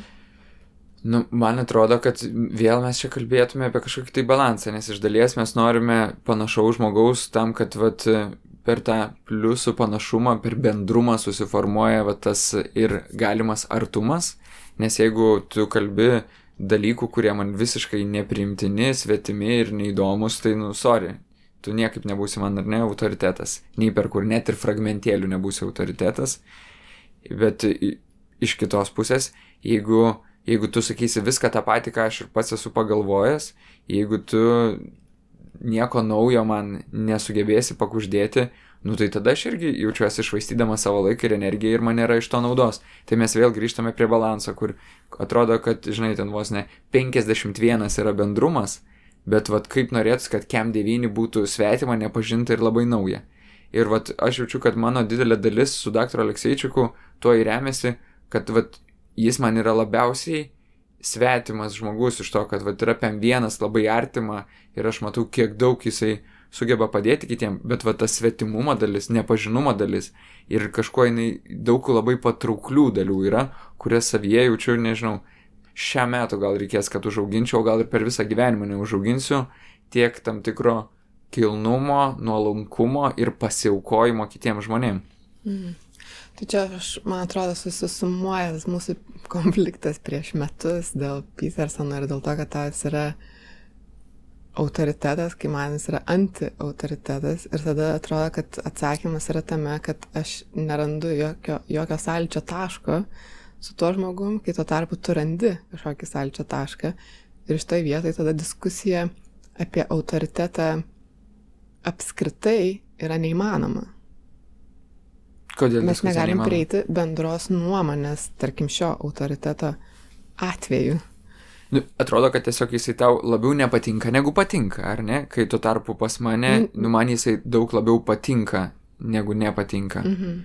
Nors e, aš, žinai, jį irgi žiūriu iš toli ir kas jisai per žmogus, aš nežinau. Mhm. Bet kad e, nemažai jo idėjų sutampa tenais su idėjomis kitų autoritetų, kaip, e, nežinau, ten to paties va daktaro Alekseičiko ar e, tos paties mano ten autoriteto profesoriaus Kočiūno. Mhm. Arba ten, nežinau, skaitant tos tolimesnius autoritetus tenais, kokį ten Jungą, Freudą, nu, vat atrodo, kad sutampa dalykai. Ir tada man atrodo patrauklu, kad jisai net sugeba papasakoti taip, kaip kiti nesugeba papasakoti, ypatingai ten naudodamasis archetipais, pasakas naudodamas, Mhm. apjungti tokią labai artimą patirtį. Nes atrodo, vat koks sudėtingas klausimas, kiek daug mes išmokė iš pasakų, kiek daug vat, autoriteto buvo perduota per mitologiją į mūsų gyvenimą. Mhm. Ir tada man atrodo, kad konfliktas jau įvyksta nebūtinai, ar, nu, tada įvyko, nebūtinai apie tą autoritetą, bet apie tai, kad aš tarsi bandau paneigti tavo tam tikrą dalį arba signalizuoju, kad man neprimtina ta tavo kažkokia dalis ir konfliktas įvyksta turbūt apie tai. Mhm. Dėl to ir buvo tas klausimas, žinai, kiek į mus panašus, nes paskui ta kova už autoritetą ir ginčas už autoritetą gaunasi iš tikrųjų kaip ginčas už tam tikrą savo dalį, kurią tas autoritetas atspindi, papildo. Už savo dalį, bet gali būti ir už kryptį, kad gal aš vat, nesu, nesu ten tiek išmintingas, tiek protingas, kad jaučiausi panašus į ten Jordan Peterson, bet, bet tuo pačiu man jis atrodo, kad vat, kaip kryptis, kad norėčiau taip giliai suvokti dalykus, kurie remtųsi ten tiek į mokslą, tiek į mitologiją, tiek į religijų iš, į išmanimą, tiek į praktiką ten psichiatrinėje ligonėje. Ir vat, apjungti tos dalykus, man atrodo, neįtikėtina.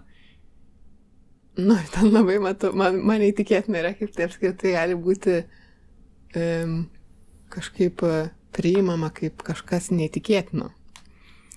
Um, bet apie ką norėjau paklausti, to klausydamas, ar nėra pavojaus, turint autoritetus labai ryškius ir jais sekant, prarasti savastį. Nu, vat, man atrodo, tuo ir skiriasi klaidinantis, e, klaidinantis autoritetas nuo tokio vedančio autoriteto, nes vedantis autoritetas, jisai daug labiau nesako, tu ateik ir būk kaip aš, o jisai padeda būti savimi ir būti savimi vis įvairesnių, skirtingesnių. Labiau padeda savo vagą arti, negu sako, ateik pas mane mano vagą part. Bet man va, Petersonas toks ir atrodo, kad va taip yra. Ir kad jis eina į santyki, į pasaulį su neigimu, nepripažindamas tam tikrų dalykų, neigdamas tam tikrus dalykus ir pateikdamas tau 12 gyvenimo pamokų, kaip reikia gyventi, kad būtum, nežinau, laimingas. e. Ir tas ėjimas į kažkur su neigimu jau man iš karto atrodo, žinai, kaip e, momentas, kuriame nieko šiaip ir negali įvykti, jeigu nepritarsi tam neigimui. Kokiam neigimui? Nu, kažkokių teorijų paneigimui, ar nežinau, dėl ko aš garsėjau jisai, dėl neigimo identitetų um, krypčiai, apie tai, kad žmonės galėtų kalbėti apie identitetą kaip apie tokį takų dalyką. Nes, vat, e, tu sakytum, kad dėl to jisai išgarsėjo, ar ne? Mhm. O man atrodo, kad e, dauguma žmonių, kurie jį seka, tai jį seka dėl to, kad jisai išgarsėjo kaip žmogus, kuris sako, kad e, tu turi teisę susimti, pasistengti dėl savęs ir kurti savo geresnį gyvenimą. Ir žiūrėk, vad aš iš skirtingų praktikų suprantu, kad geresnį gyvenimą gali statyti darydamas ten taip, taip, taip ar taip. Mhm. Bet tada atsiduria reabilitacijoje dėl priklausomybės narkotikams ir sako, kad e, turėjo savižudybinių minčių. Taip. Ir kaip tada pasitikėti? Aš nesakau, kad... e, Aha, nes man čia Priklausomi- atrodo labai vad žmogiška, žinai, kad e, ir kad manau, kad labai sudėtinga yra sukurti tiek daug kokybiško turinio, kiek jisai sukūrė ir kad šitoj vietoje, man atrodo, jisai persistengė ir kad išsilaikytų taip viršuje, kaip norėjo išsilaikyti, kur man atrodo irgi genė jo narcisizmas, jisai pasirinko tam tikrą vat, savidestrukciją ir savižalą, kas yra narkotikai, kur iš dalies jie tau padeda išsilaikyti viršuje, ar ne, bet galiausiai endapini veidų į, į akmenis. Mm. Tai vat, čia, man atrodo, yra jo istorija ir tai yra labai žmogiškas pasirinkimas. Kas, žinai, ar tame galėtume matyti vat, kažkokios ar puikybės, gal, o gal tame galėtume matyti ten, žinai, perdėtą self-sacrifice, savęs aukojimą, kuris jautė, kad... Tai kaip tik matyčiau, kad, kad tai buvo pasinaudota aplinkybėm praturtėti ir susikurti savo presence. e, praturtėti ir susikurti. Pinigais, taip, nu, tiesiog, kad tai buvo biznio modelis. Ir kai tai tampa aukščiau už viską, nu, tai veido į akmenis. Jo, bet e, vis dar nesuprantu, ką tu nori pasakyti, žinai, kad tai ar tas žmogus, jeigu jis krito veido į akmenis, nebegali būti autoritetas? Gali, bet kas gali turbūt būti Taip. autoritetu. Jo, ir tu pasirenkė, ne, Mhm. kaip e, mes ten su tavimi esame turėję tą pačią diskusiją dėl to, kad vat, mano vienam klientui didelis autoritetas yra ten Andrius Užkalnis, ne? Ir tu sakai, tipo, come on, kaip gali būti toksai žmogus autoritetas. O man, žinai, toje vietoje atrodo, kad aš labai džiaugiuosi, kad tam mano klientui, kuris yra tenais didžiulėje atskirti ir sunkiai randa žmonių, kurie galėtų jam būti autoritetu, vat Andrius Užkalnis yra toks savas ir per Andrių jisai priartėja prie pasaulio ir prie apsijungimo kartu su kitais.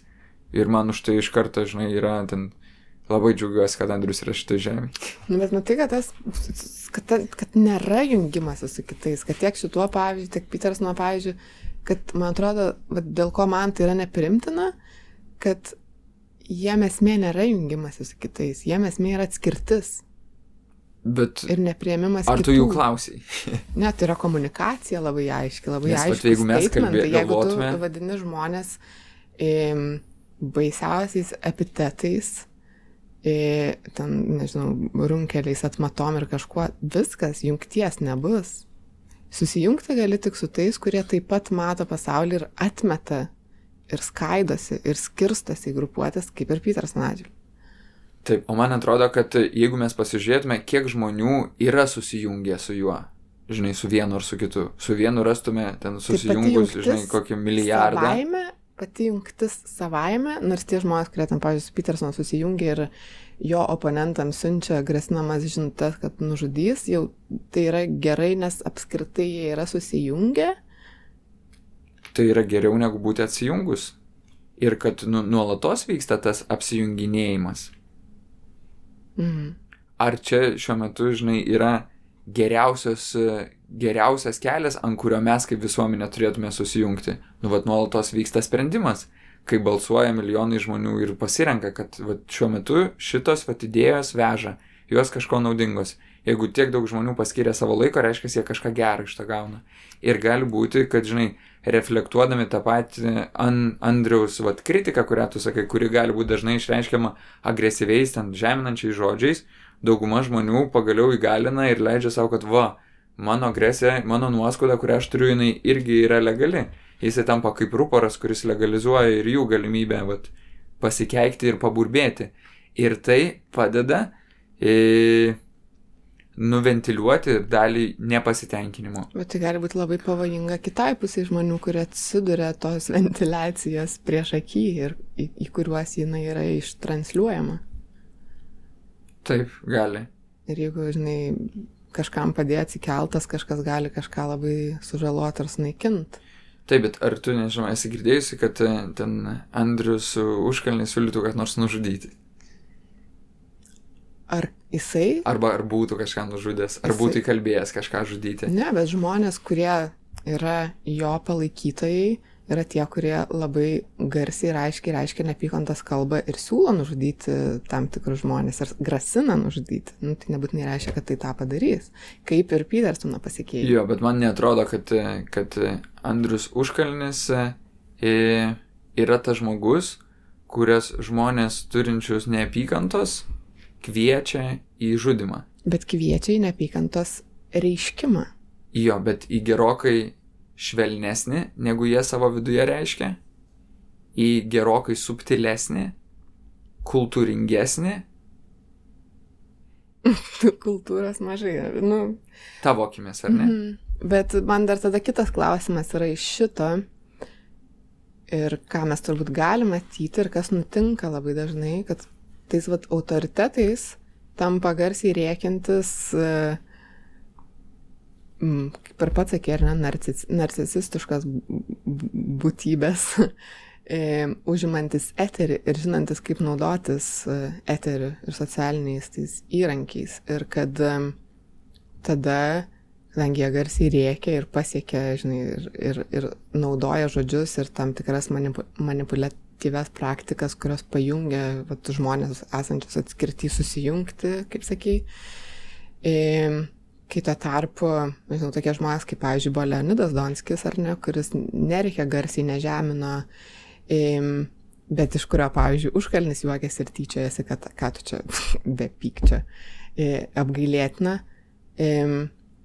Tokie žmonės tampa kartais nustumti ir autoritetais būna tik mažose uždarose ratuose, nes jam nėra primtina rėkti ir visais įmanomais būdais atkreipti į save dėmesį.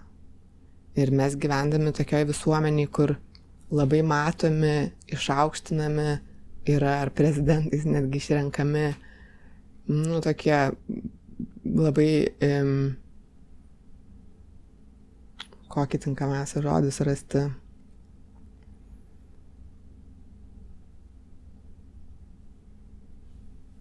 Pasiūlyk žodį tinkamiausią.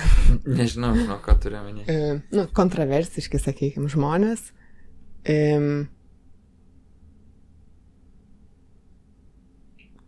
tada tiem, kurie tokie nėra, yra labai sunku gyventi. Ir kad, man atrodo, šitą problemą labai užaštrina socialinė medija, nes anksčiau tiesiog rašydamas knygas e, sunkiau galėjai kažkaip išsi, išsiplėšti turbūt ar ten e, susikurti savo armiją, ką gali dabar su YouTube'u, Instagram'u ar Facebook'u ar internetinė medija. Ir kad tada labai gali nukentėti visuomenė kaip organizmas, jeigu mes šitokią komunikacijos būdą ir idėjas priimam kaip mm, garsiausias, kas galbūt iš šalies gali atrodyti kaip primtiniausias ar dominuojančias, nors nebūtinai taip yra. Sorry, pamiršau jų klausimą pradžią, bet, bet jeigu gerai suprantu, ką tu klausi, tai, e, nu, man atrodo, kad klausimas yra, žinai, kur jeigu didžioji dauguma mūsų visuomenės yra pasiruošę pakipti ant e, kvailo populisto, kuris, e, nu, ten intelektualesnės visuomenės požiūrių netitinka geriausio vadovo varianto, nu, tai reiškia, mes šiuo metu kaip visuomenė ir esame šitoje raidos stadijoje. Ir, nu, kad ir kaip liūdna tai priimti, kad ir kaip norėtųsi, kad būtų geriau, bet intelektualėjame mes ir kaip visuomenė lietai. Ir tai užtrunka. Tai yra ilgas procesas, kuriame dalis mokinimuose yra bendros klaidos. Ir bendrose klaidose, nu, vat, nežinau, Amerika, vat, išsirinko Trumpą, ne, tenais mes, kadangi gyvenam pasaulyme, kuriame yra daug kuriama propagandos apie tai, koks, kok daug yra akcentuojama tai, koks Trumpas yra prastas ir kiek daug ten yra narcicizmo, grubių klaidų, melavimo. Tai, nu, mums kažkaip šitą pusę atrodo labai aiškiai ryškiai, ne? iš kitos pusės gal čia irgi svarbios pamokos ir net labai svarbus patikrinimas, ar jie valstybėje jau buvo sukūrę tiek galingą demokratijos infrastruktūrą, kad net e, numeris vienas būdamas toksai sudėtingas žmogus, vad nesugriovė, o sistema toliau važiuoja. Mhm. Klausimas, kiek, kiek nesugriuoja ir kiek važiuoja, bet dar tas kitas mano klausimas. O kodėl nevažiuoja? Buvo, buvo ta, kad kad socialinė medija ir tas internetinis pasaulis įgalina tiesiog garsiai rėkiančius uždominuoti ir tada mums tai atrodo, jog tai yra dominuojantis, nors nebūtinai taip yra. Ir kad tada nebelieka vietos tam tyliem autoritetam, kurie kažkur tyliai dirba ir kažką daro, kas yra nemažiau, o galbūt kaip tik daugiau reikšminga, tik tai nėra taip garsiai, garsiai rėkiantis, nes kas? daugiausiai žiūrimus daugiausiai žiūrimus ar parduodamus, bet jie tai, žinai, išsikovoja. Nu, man irgi atrodo, kad čia pasiekimas, jie pasiekė savo, savo didelį žinomumą, ne? Vienas, vienas iš vat, vertinimo kampų yra, kiek daug tas žmogus nu, yra patrauklus, kiek auditorijos daug įklauso, ne? Vienas iš kampų. Tai nebūtinai reiškia, kad jis yra pats geriausias ekspertas, nes čia jau kitas kampas. Ar žmonėms reikia paties geriausio eksperto, nesu tikras. Gal vidutiniam žmonėm užtenka labiausiai vidutiniško eksperto. Kaip nežinau, mano mokytas mėgsta sakyti, kad žinai, kad vidutinį pacientą geriausiai gydo vidutinis psichiatras. Tai ar turėtų būti e, tenais autoritetais, visų autoritetais iškiliausios asmenybės, nu, va, aš nesu tikras. Jeigu, žinai, mano gyvenime, e, nu, va, aš gyvenu visai ir sprendžiu visiškai kitokias problemas. Ten nuolatos sprendžiu finansinį nepriteklių, nuolatos, nežinau, ten konfliktuoju ir turiu problemų su smurtu, nesusivaldau su savo pykčiu. Tai, nu, tas žmogus, kuris reiškia pyktį, bet jau geriau jis valdo, jis man yra daug artimesnis autoritetas. Nes man daug lengviau, jeigu ten aš esu penki, man daug lengviau lygiuotis į septynis, o ne į šimtą, nes iki šimto man yra taip toli, kad aš pasijunčiu tu bejėgis, pasijuntu silpnas, nevertas gyventi ir man atrodo reikia tiesiog viską uždaryti, nes aš gyvenime ten nenukeliausiu. O jeigu aš žiūriu į septynis, žinai, man gal ir biškai iškiau, po truputį va čia pasistebiu, čia pasistebiu ir gyvenimas keičiasi. Tai žinai, tai va čia yra toksai turbūt... Man atrodo, kad tu kvesionuoji apskritai klausimą kalbėdama, ar pasaulis gera linkme juda, ar bloga linkme juda. E, ne, man. Ir čia jau tokie tikėjimo mhm. klausimai. Kuo, mhm. kuo tu tiki? Nes autoritetų paieška, nu, kiekvienas turi šansų savo turėti, nes begalė, begalė informacijos, begalė žmonių yra prieinama, ne? Net kalbant apie tolimus autoritetus. Kad nežinau, kai vartai Delfi ir žiūri, kad yra ten užkalnio straipsnis, ne? kuriame vat, yra parašyta, kad ten 900 komentarų ir, nežinau, 1500 ten F ženkliukas, ne, Facebook'o kad kažkokio dalyvavimo. Nu, vat atrodo, daug žmonių sudalyvavo tame. Spausia ar nespausia. Kiekvieno pasirinkimas, ne? Ir jeigu tu galvoji, kad, o, didelis žmonių dalyvavimas reiškia, kad kažkas ten gal įdomaus buvo pasakyta, dalyvausi. Bet čia, man atrodo, grįžtam prie to, ką pasakėjai pradžiai, kad idėjas, kai patampa aukščiau žmogų, turim labai pavojingą situaciją. O kokia čia idėja yra aukščiau žmogų? Nu, tai, kas yra kalbama, man atrodo, yra aukščiau žmogų, nes žmonės pasigauna tai, tą mintį, tą pykčio išraišką, kuri jiem yra artima. Taip, bet man atrodo, kad, žinai, tu, tu kalbi kaip tik apie idėją pasaulio, kuriame jau pyktis yra gerokai švelnesnis tapęs. Bet vat jis pas mumis, mūsų pasaulyje dar užtruks, kad visai ką tik, žinai, ką tik, nežinau, tenais seneliai buvo koncentracijos stovyklose, tada grįžę su daug skausmo auklėjo savo vaikus, o tie vaikai mūsų žaugino. Tai mes esame per kelias kartas nuo ten atominio sprogimo. Tai užtruks, kol išsivalys ten tiek tas skausmas, tiek ta agresija. Ir čia jau net nešnekant apie Lietuvą, nu, va, Milgrimo eksperimentai, ar ne, toje pačioje Amerikoje rodo, kad, nu, labai daug buvo paklusimo bet didėjant galimybėm visiems šaukti garsiai. Nes vat, ten su Facebooku ar su YouTube'u ten tiek tu, tiek aš galime turėti savo platformą, nuo kurios šukaliuojame. Atsiranda galimybė turėti tokius lokalius autoritetus ir ne kad visi žiūrėtų, kaip ten, nežinau, princesė Diana gyvena, nes jinai yra, vat, labiausiai viešinamas žmogus, o dabar tu gali sekti, vat, visokius pavienius žmonės. Nežinau, kaip Facebook'e, ne, ten gali sekti, turbūt ką, nerimo čiulį, kokį daug žmonių seka ir labai įdomu žinot, kaip jis gyvena. Bet um, Tai kiekvienas pokytis jisai turi ten abi dvi savo pusės. Aš mm. suprantu, žinai, tą idėją, kaip tu sakai, kad gali formuotis tenais Facebook'e socialinis burbulas, kuriame yra vis kartojamos e, fake news ir tada žmogus, e, kuriame vis aplink tave yra žmonės, kurie kalba daug apie neapykantą ir ta neapykanta sklinda. Kad mm. taip šitas fenomenas gali vykti, ne? Ir, ir vyksta. Ir... Ir žaidžia tavo artimas ten žmonės. Uh neigdami jų teisę būti, pažiūrėjau, LGBT bendruomenė, ne apie kurią dabar Taip. vyksta labai diskusija. Bet ar turėtume sakyti, kad tada geriau iš viso išjungti galimybę, kad visi turėtų savo, e, savo va, tą platformą, nuo kurios šauktų? Man atrodo, kad ne. Nes lygiai taip pat žmonės gali burtis ir aplink kažkokius šviesulius, kurie jiem yra labai artimi. Nu, bet kad... problema, kad tie šviesuliai nereikia garsiai ir jie nereikia tokių, žinai, kontroversiškų dalykų, kurie labai stipriai užkabina, ypač turbūt gyvenant į kažkokį žmogų, ką tu sakai, atskirti. Bet nežinau, ar šviesuliai nereikia garsiai. Aš tuo metu, kai dar naudodavausi Facebook'u, tarkim, Nerijus Mačiulis, man atrodo, nuolatos paustindavo ir aš galvoju, geras, kiek daug žmogus skiria laiko iš tikrųjų, kad vis kurtų va kažkokį tai turinį. Ir va man atrodo, kad čia buvo puikus pavyzdys kad, e, nežinau, nu, turbūt esu tikras, kad ten kokia ten Ingrida Šimonytė turi savo Facebook'o platformą, kurie net yra įdarbinti keli žmonės, kurie nuolatos paustina kažką. Ir va, šviesulys, kuris nuolatos garsiai šaukia. Tai aš tai manau, kad šio laikiniai šviesuliai turi tokią pačią galimybę garsiai šaukti. Mhm. Klausimas, kiek jie naudojasi. O galiausiai mm. viskas remiasi į tave kaip vartotoją, kur tu turi teisę rinktis. Ir aš tikiu, kad kiekvienas vartotojas turi tą laisvę rinktis.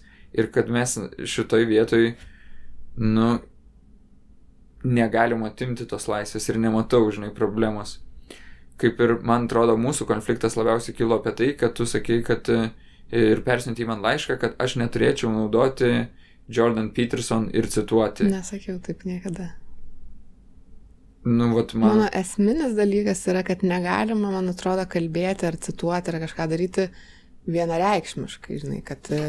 Ne, buvo negalima... parašyta žinutė, kad e, tu man persiuntėjai savo kolegų žinutę, kur buvo parašyta, kad man nepatinka, kad mūsų kuriamoje platformoje Andrius e, kiekvieną laidą pacituoja Jordan Peterson. Buvo vienas atvejis ir buvo tas, kad, nu, tai yra toks, hm, momentas, į kurį, man atrodo, svarbu yra atkreipti dėmesį, nes jeigu mes primsim tai nekvestionuodami, tai reiškia, kad vat, užmerkiam akis į tas kitas probleminės pusės ir jų neaptariam. Nes ne, tuo metu aš neskyriau... Klausimą, ar aš turiu teisę cituoti ką nors? Laiką. Tai va, o tu Visą turi laiką. teisę rinktis, ar imti mane į laidą, ar neimti mane ne, į laidą, ne? Net galima ir tai, Taip. o kitas, kad sustoti ir kvestionuoti. Dėl to mes šitą ir darom, man atrodo, dėl to apie tai šiuo metu ir kalbam, nes tuo metu sutarėm, kad reikia tada kalbėti ir aiškintis, ar užtenka pacituoti ir sakyti, čia mano autoritetas ir aš tada susikoncentravusi temą jo nekvestionuoju,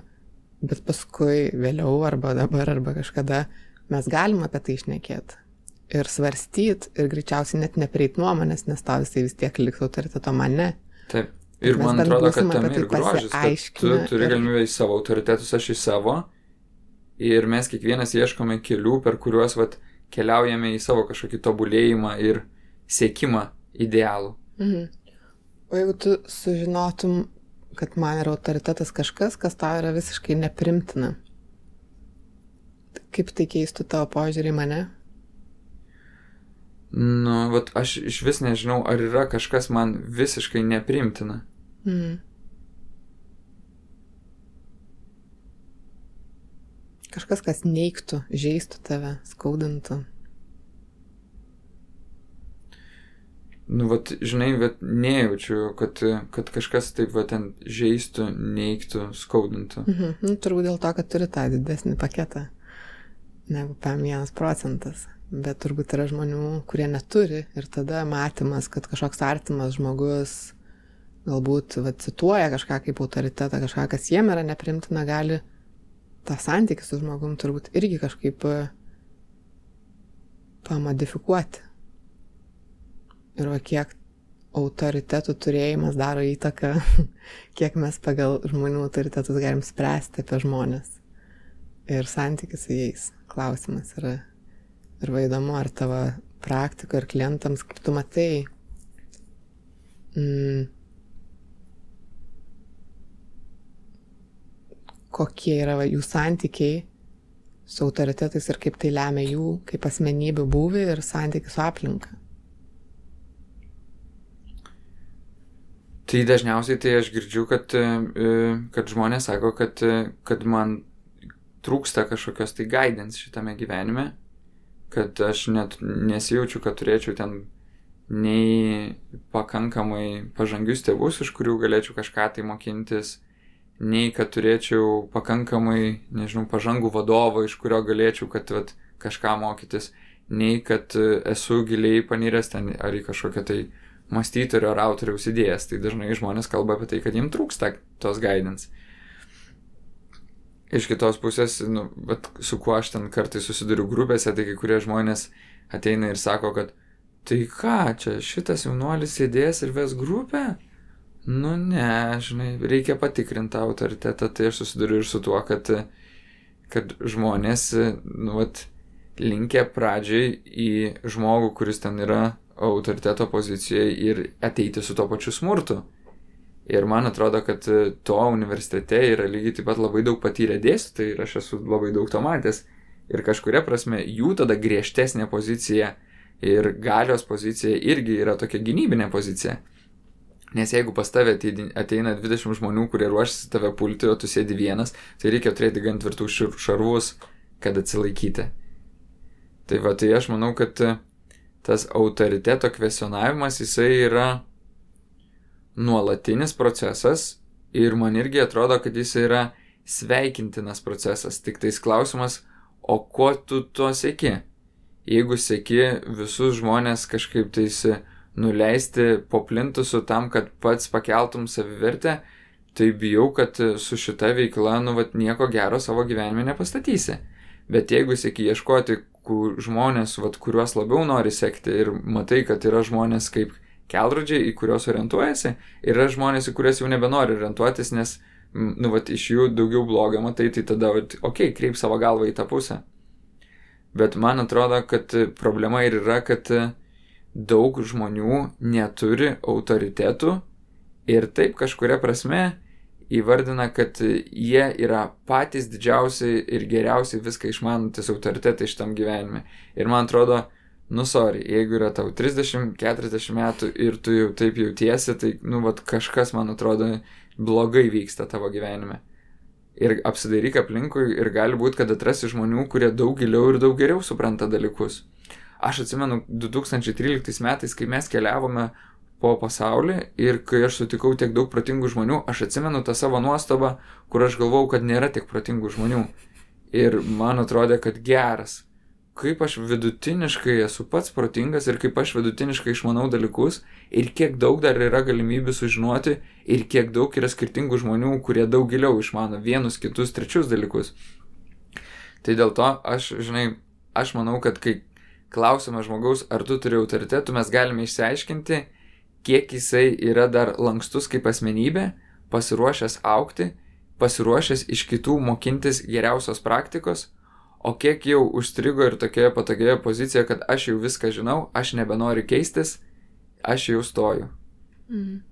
Ir kaip elgiesi su tais uh, klientais, arba, pavyzdžiui, jeigu yra žmonių, kurie dabar klauso ir atpažįsta save ir galvoja, kad, ai, čia apie mane, čia aš tas, kur jau viską žinau, arba aš tas, kuriam sugriuvo autoritetą ir nebeturiu autoritetų, arba aš tas, kur niekada neturėjau ir man džiauriai trūksta ir aš esu kažkokiam aklygatvi.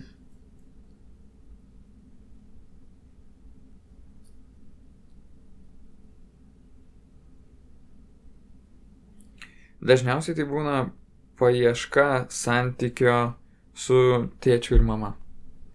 dažniausiai tai būna kelias, kuriame žmogus visų pirma vat, leidžia savo užpykti, paskui leidžia savo susilieti po suskausmu esančiu po to pykčiu ir tada lietai ir ilgai keliauja ieškodamas vat, galimybės kažkaip tais atleisti. Nes dažniausiai tame ir yra nu, toks vat, šauksmas, kad aš nieko nenoriu tikėti, nes kažkuo tikėjau ir mane labai skaudžiai apvylė. Ir kažkuria prasme mes dėl to ir remiamės vat, į tokią tikėjimo problemą.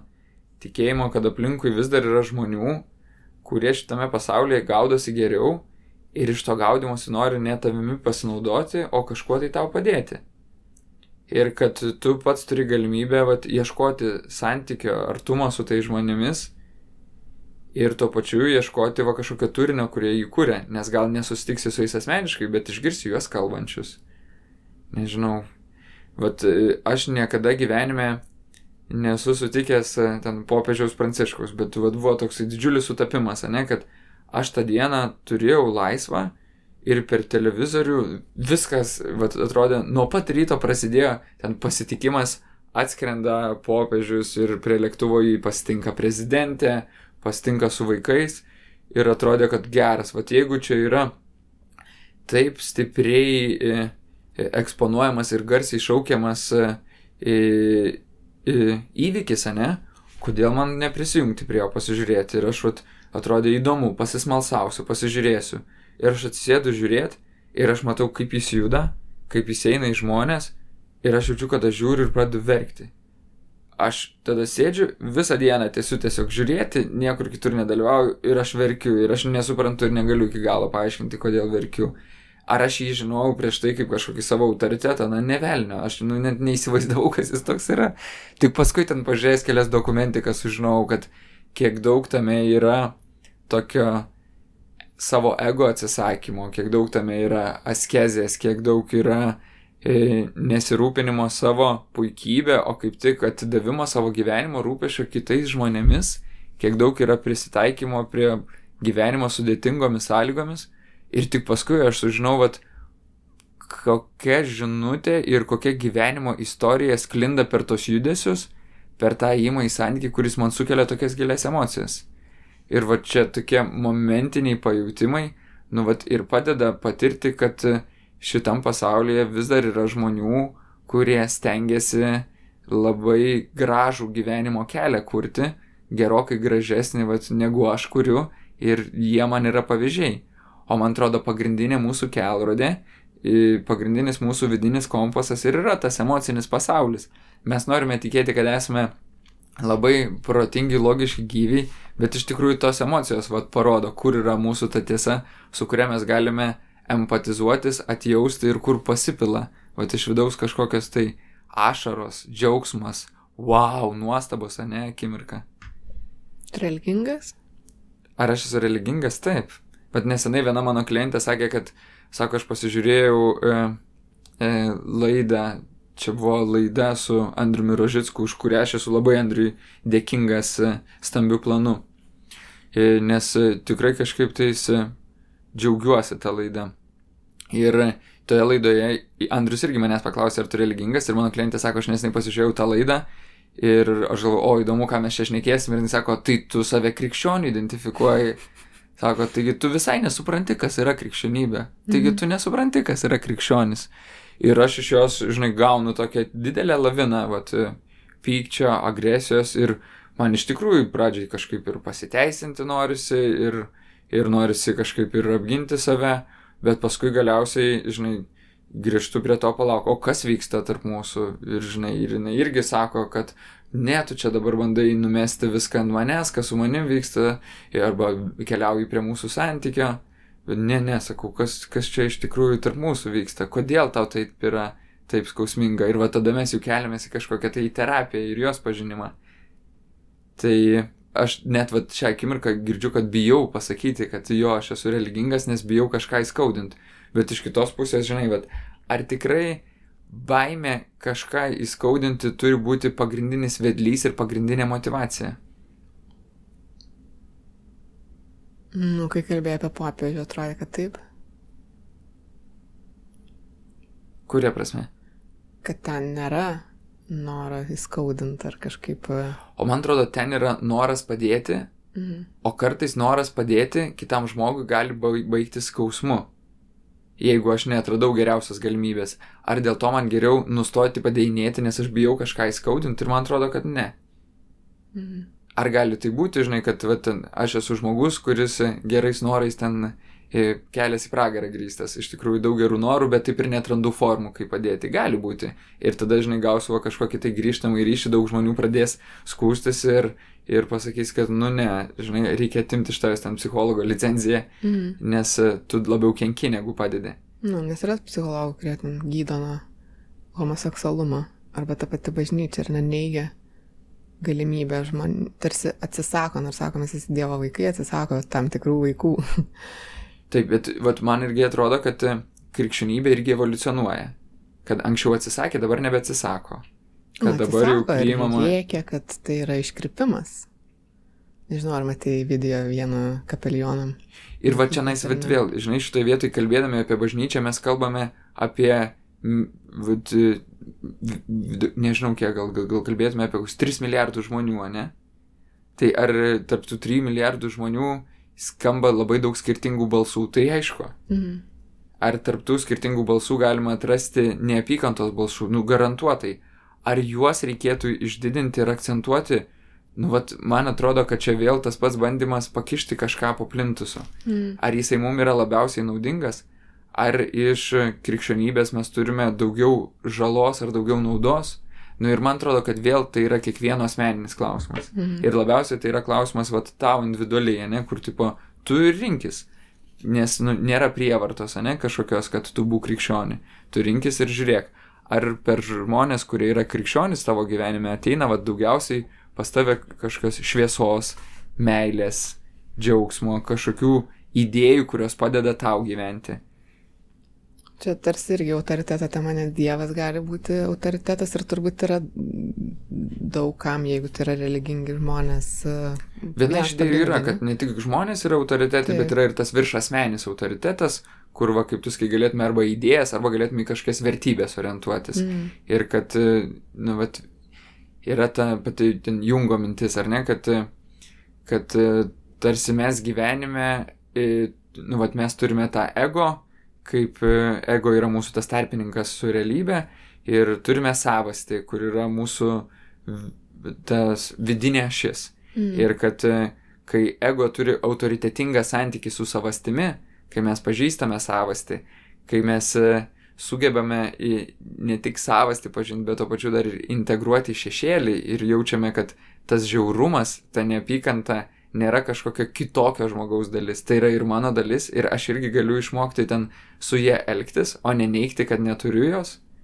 Ir kad, žinai, neikti, kad krikščionybė neturi neapykantos, na irgi kažkaip tai būtų juokinga. Turi kaip ir nu, visas šitas pasaulis turi. Klausimas, kaip sugeba su jie tvarkytis. Tai vat, aš žiūrėdamas į popiežių galvoju, vat, jis kažkaip gerai sugeba tvarkyti su neapykanta, gerokai geriau negu aš. Vat, toksai jausmas yra. Ir per jį aš jaučiu, kad e, per jį aš patiriu susitikimą tiek su savastimi, nes savastyje, man ir aš turiu tą tikėjimą, kad savastyje yra vat, kažkokia dieviškoji kibirkštis vat, mano viduje. Ir man atrodo, kad e, per jį aš turiu galimybę susiformuoti geresnį susitikimą su savastimi, geresnį susitikimą, va gali sakyti, su viršvertiniu autoritetu, ar ten su Dievu, ar su dieviškąja kibirkštimi. Bet tuo pačiu, žinai, aš tikiu, kad, nu, tos tiesos jos nėra baigtinės, kad vyksta procesas, gryninimo procesas, kur mums vis aiškiau yra, kas yra geresnės praktikos negu kitos, ką ir prieš tai kalbėjom, kad, nu, vis aiškiau, kad, tarkim, vat, mušti vaiką, nu, neverta. Galima visiškai kitokiais būdais susitvarkyti. Religija turbūt apskritai čia atskira dar tema ir bažnyčia ir apskritai visas religijos ir dieviškumas. Bet čia Jo, viena iš problematikų, ne, kad anksčiau žmonės ten, vat, autoritetą turėjo, ten rinkosi iš vienos religijos, ne, ir Mhm. autoritetas ten buvo kunigas bendruomenės, kuris yra Ir aiškiai, Kaip šviesulys. Įsakymai. Ir apskritai ten į kunigiją ėjo daug, nu, va, daug didesnė atranka, buvo daug daugiau žmonių ėjo, kaip dabar žinom, kad viena iš problemų, kad, kad sudėtinga, mažai ten žmonių stoja į kunigų seminariją, kiti keliai atrodo daug patrauklesni, nežinau, ten viena iš Freudo idėjų juk ir yra, kad e, psichoterapeutai perėmė dalį kunigų darbo ir kad viena iš didžiausių, čia jau nebe Freudo idėja, viena iš didžiausių bažnyčios klaidų yra tai, kad iš vis prileido ten austrams galimybę kurti psichoterapiją. Tai galima sakyti, kad nu, vat, iš religijos e, tas autoritetas, jisai irgi kažkaip dalinasi į skirtingas pusės, nes jau tavo, tavo autoritetas gali būti nebe tas religinis mokytas, o gali būti psichoterapeutas, gali būti, nežinau, tavo autoritetas jogos mokytas, gali būti autoritetas, va tas pats, nežinau, ten šry atvažiuojantis iš Indijos. Bet ką aš turbūt labiausiai pasiimu iš šito mūsų pokalbio, tai mm, svarba santykių kūrimo ir ryšių ir kad visgi didžiausia autoritetai yra artimiausi žmonės, kuriuos tu matai įvairiapusiškai.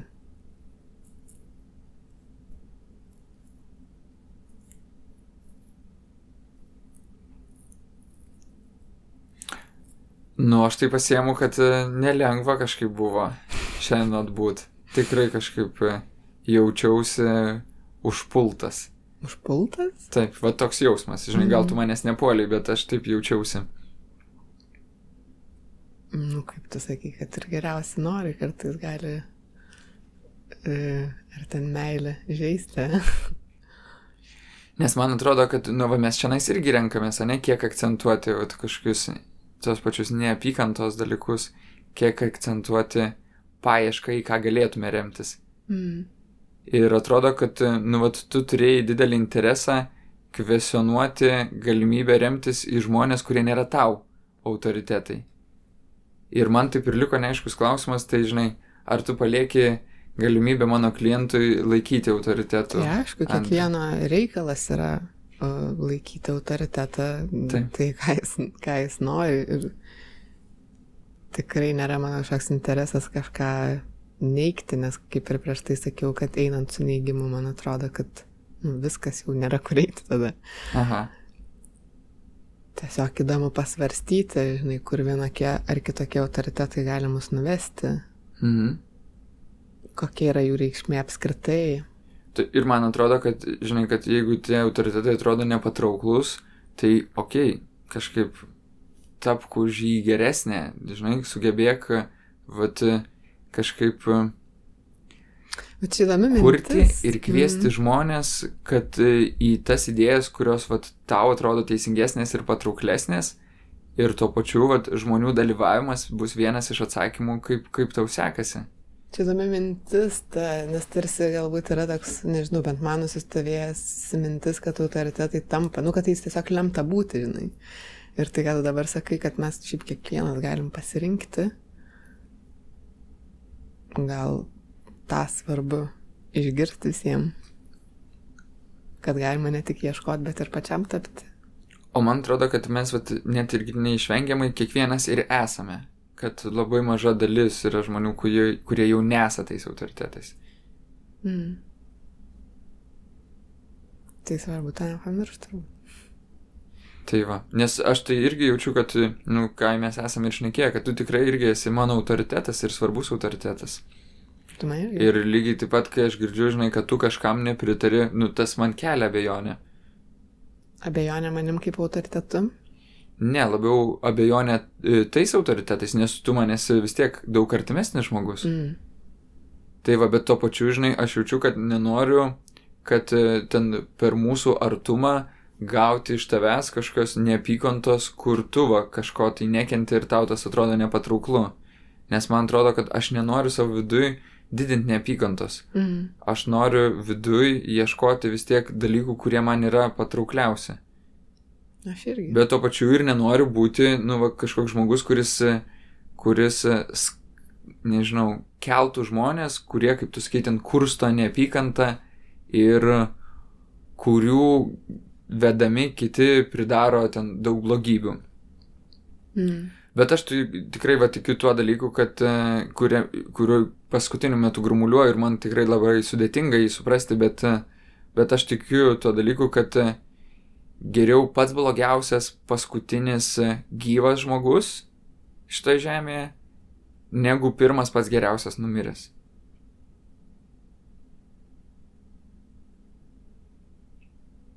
Pakartok. Geriau pats blogiausias gyvas žmogus,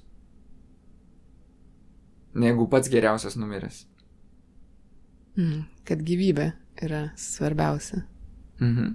kad ir kokia jį bebūtų. Taip.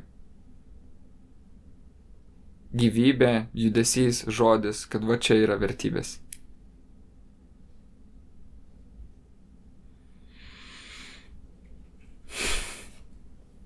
Tai man atrodo, duris darė į, į kitą temą.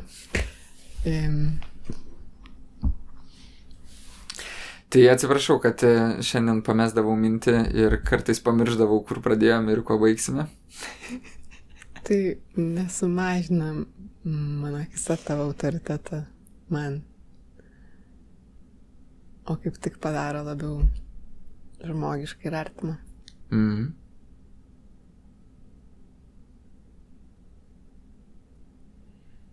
Aš atsimenu, kažkada net sąmoningai sugrioviau, nu, norėjau sugriauti žmogaus akise savo autoritetą, kad santykis taptų žmogiškesniu, nes jaučiau, jog jis nėra, nu, lygiai vertis. ir tai yra labai sunkus sprendimas, kaip ir tau galbūt leisti save pamatyti ne visada autoritetingu, pametančiu mintį. Ne, kažkaip jaučiu, kad man nėra sunku tai priimti, nes suprantu, kodėl tai pasirinkau, suprantu, koks nuostabus buvo vakar vakaras ir kad viso to kaina yra sudėtingesnė šiandieną. Ir kad visai dar neblogai išbalansavau, nes vis tiek pavyksta ir kalbėti, ir rašinėti. Nu, bet apskritai. Bet apie tavo fenomeną, kai kitas žmogus pažeidžiamu. stengiasi būti mano autoritetas, ane, o aš stengiuosi mėtyti akmenukus, kad išmuščiau jį iš autoriteto pozicijos, va irgi nepašnekėjome. Nes kažkuria prasme, va tavo kvestionavimas irgi buvo bandymas išmušti mane iš autoriteto pozicijos. Mm. Labiau suprasti gal poziciją Mhm. ir pažiūrėti, kur susijungia mūsų. Ir man atrodo, kad tas bandymas suprasti, visai vat neišvengiamai gali būti ir skausmingas. Taip. Na, ypač, tarkim, vat, jeigu tu mėtai akmenukus į mane, arba klausimus aštrius, arba tuo pačiu jau ir to nejaučiasi agresija, ne, tada jau man sudėtinga. Nes Mm. mm. reiškia, kad, e, vat aš jaučiu, kad skauda, tai mano gynyba galėtų būti ten trinktelti tau atgal, bet aš jaučiu, kad nenoriu tavęs užgauti, nes tu man svarbi. Tai aš bandau susitvarkyti su savo skausmu, pykstu to pačiu ant tavęs, nes man atrodo, kad tu per mažai mane atjauti, nes nejauti, kad man skauda, toliau mane stumi, o neatsitrauki, bet uh, gal kažkaip stengiuosi išbūti, išbūti, išbūti, aprimsta, tada vat jau atsitraukė, aprimsti ir aš tada ir pradedu geriau jaustis.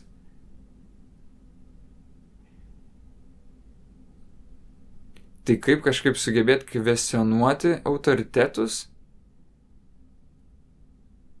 ir kaip yra neišvengiamybė, man atrodo, kol ypatingai At yra tas santykis su vaikais, ne, kai vis atrodo, vaikas neišvengiamai išgauna. Ir nu, natūralus tarsi atsakas, kaip ten akis už akį, dantis už dantį būtų atgal. O iš tikrųjų, ten iš evoliucijos žaidimų teorijos mes žinome, kad daug sėkmingesnis gyvenimas kartu nėra akis už akį. Daug sėkmingesnis gyvenimas kartu yra, kad, e, okei, okay, už gerą geru, už blogą irgi geru, atleidžiu kelis kartus, bet jeigu vat nesikeiti, tai tada aš tiesiog išeinu iš tavo gyvenimo, o ne tau už blogą blogų atsilyginu. Bet išeimas galima sakyti irgi blogas. Mm. Tai ačiū, kad neišėjai. Tai ačiū, kad kada primai.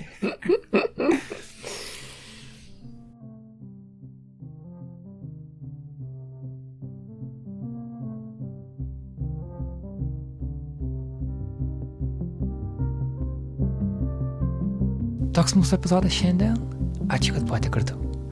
Girdėjote pokalbį apie autoritetus tarp Bertos Tilmantaitės ir psichologo Andriaus Jančiausko. Visus Bertos ir Andriaus susitikimus raskite tinklalapyje nara.lt skiltyje psichologija. Taip pat ten raskite ir daug naujų tekstų įvairiomis socialinėmis, visuomeninėmis temomis. Pavyzdžiui, nesiniai paleidome šviežią daktarės Jėvos pabrėžytės tekstą apie kultūrinę apropriaciją, apie autochtonų reprezentavimą Lietuvoje. Apie tai jau buvo davusi mums interviu, po kurio kilo daug klausimų žmonėms. Ji parašė naują esę, kuriame atsakė į dalį jų, atsakė dalies jūsų kontrargumentus ir kviečia palaikyti dialogą toliau. Labai kviečiu susipažinti su tuo tekstu. Taip pat ten galite pamatyti iliustratorės Ulos Rugevičiūtės Rugytės darbą, kaip ir kiekvienas psichologinis epizodas yra Ulas interpretuojamas vizualiai. Tai NARLT ir mūsų Instagrame pamatykit jos vizualizaciją. Ačiū kolegai Karoliui Pilypui Liutkevičiui, kuris visada padeda tvarkant įrašo garsą. Ir ačiū kompozitoriui Martinui Gailiui, kurio muziką girdite Nara podcastuose. patreon.com nara.lt yra adresas palaikyti mūsų darbą. Taip pat galite mums skirti 1,2 procentų savo pajamų, jeigu jau deklaravote jas, tiksliau, jeigu planuojate jas deklaruoti, jeigu deklaravote, gali būti jau vėlu. Ir ką, turbūt tiek. Mano vardas yra Karlius Višnauskas, aš esu NARA redaktorius ir man gera kalbėti su jumis vis dar iš namų studijos. Greitai susitiksime, laikykitės, ikke glitter.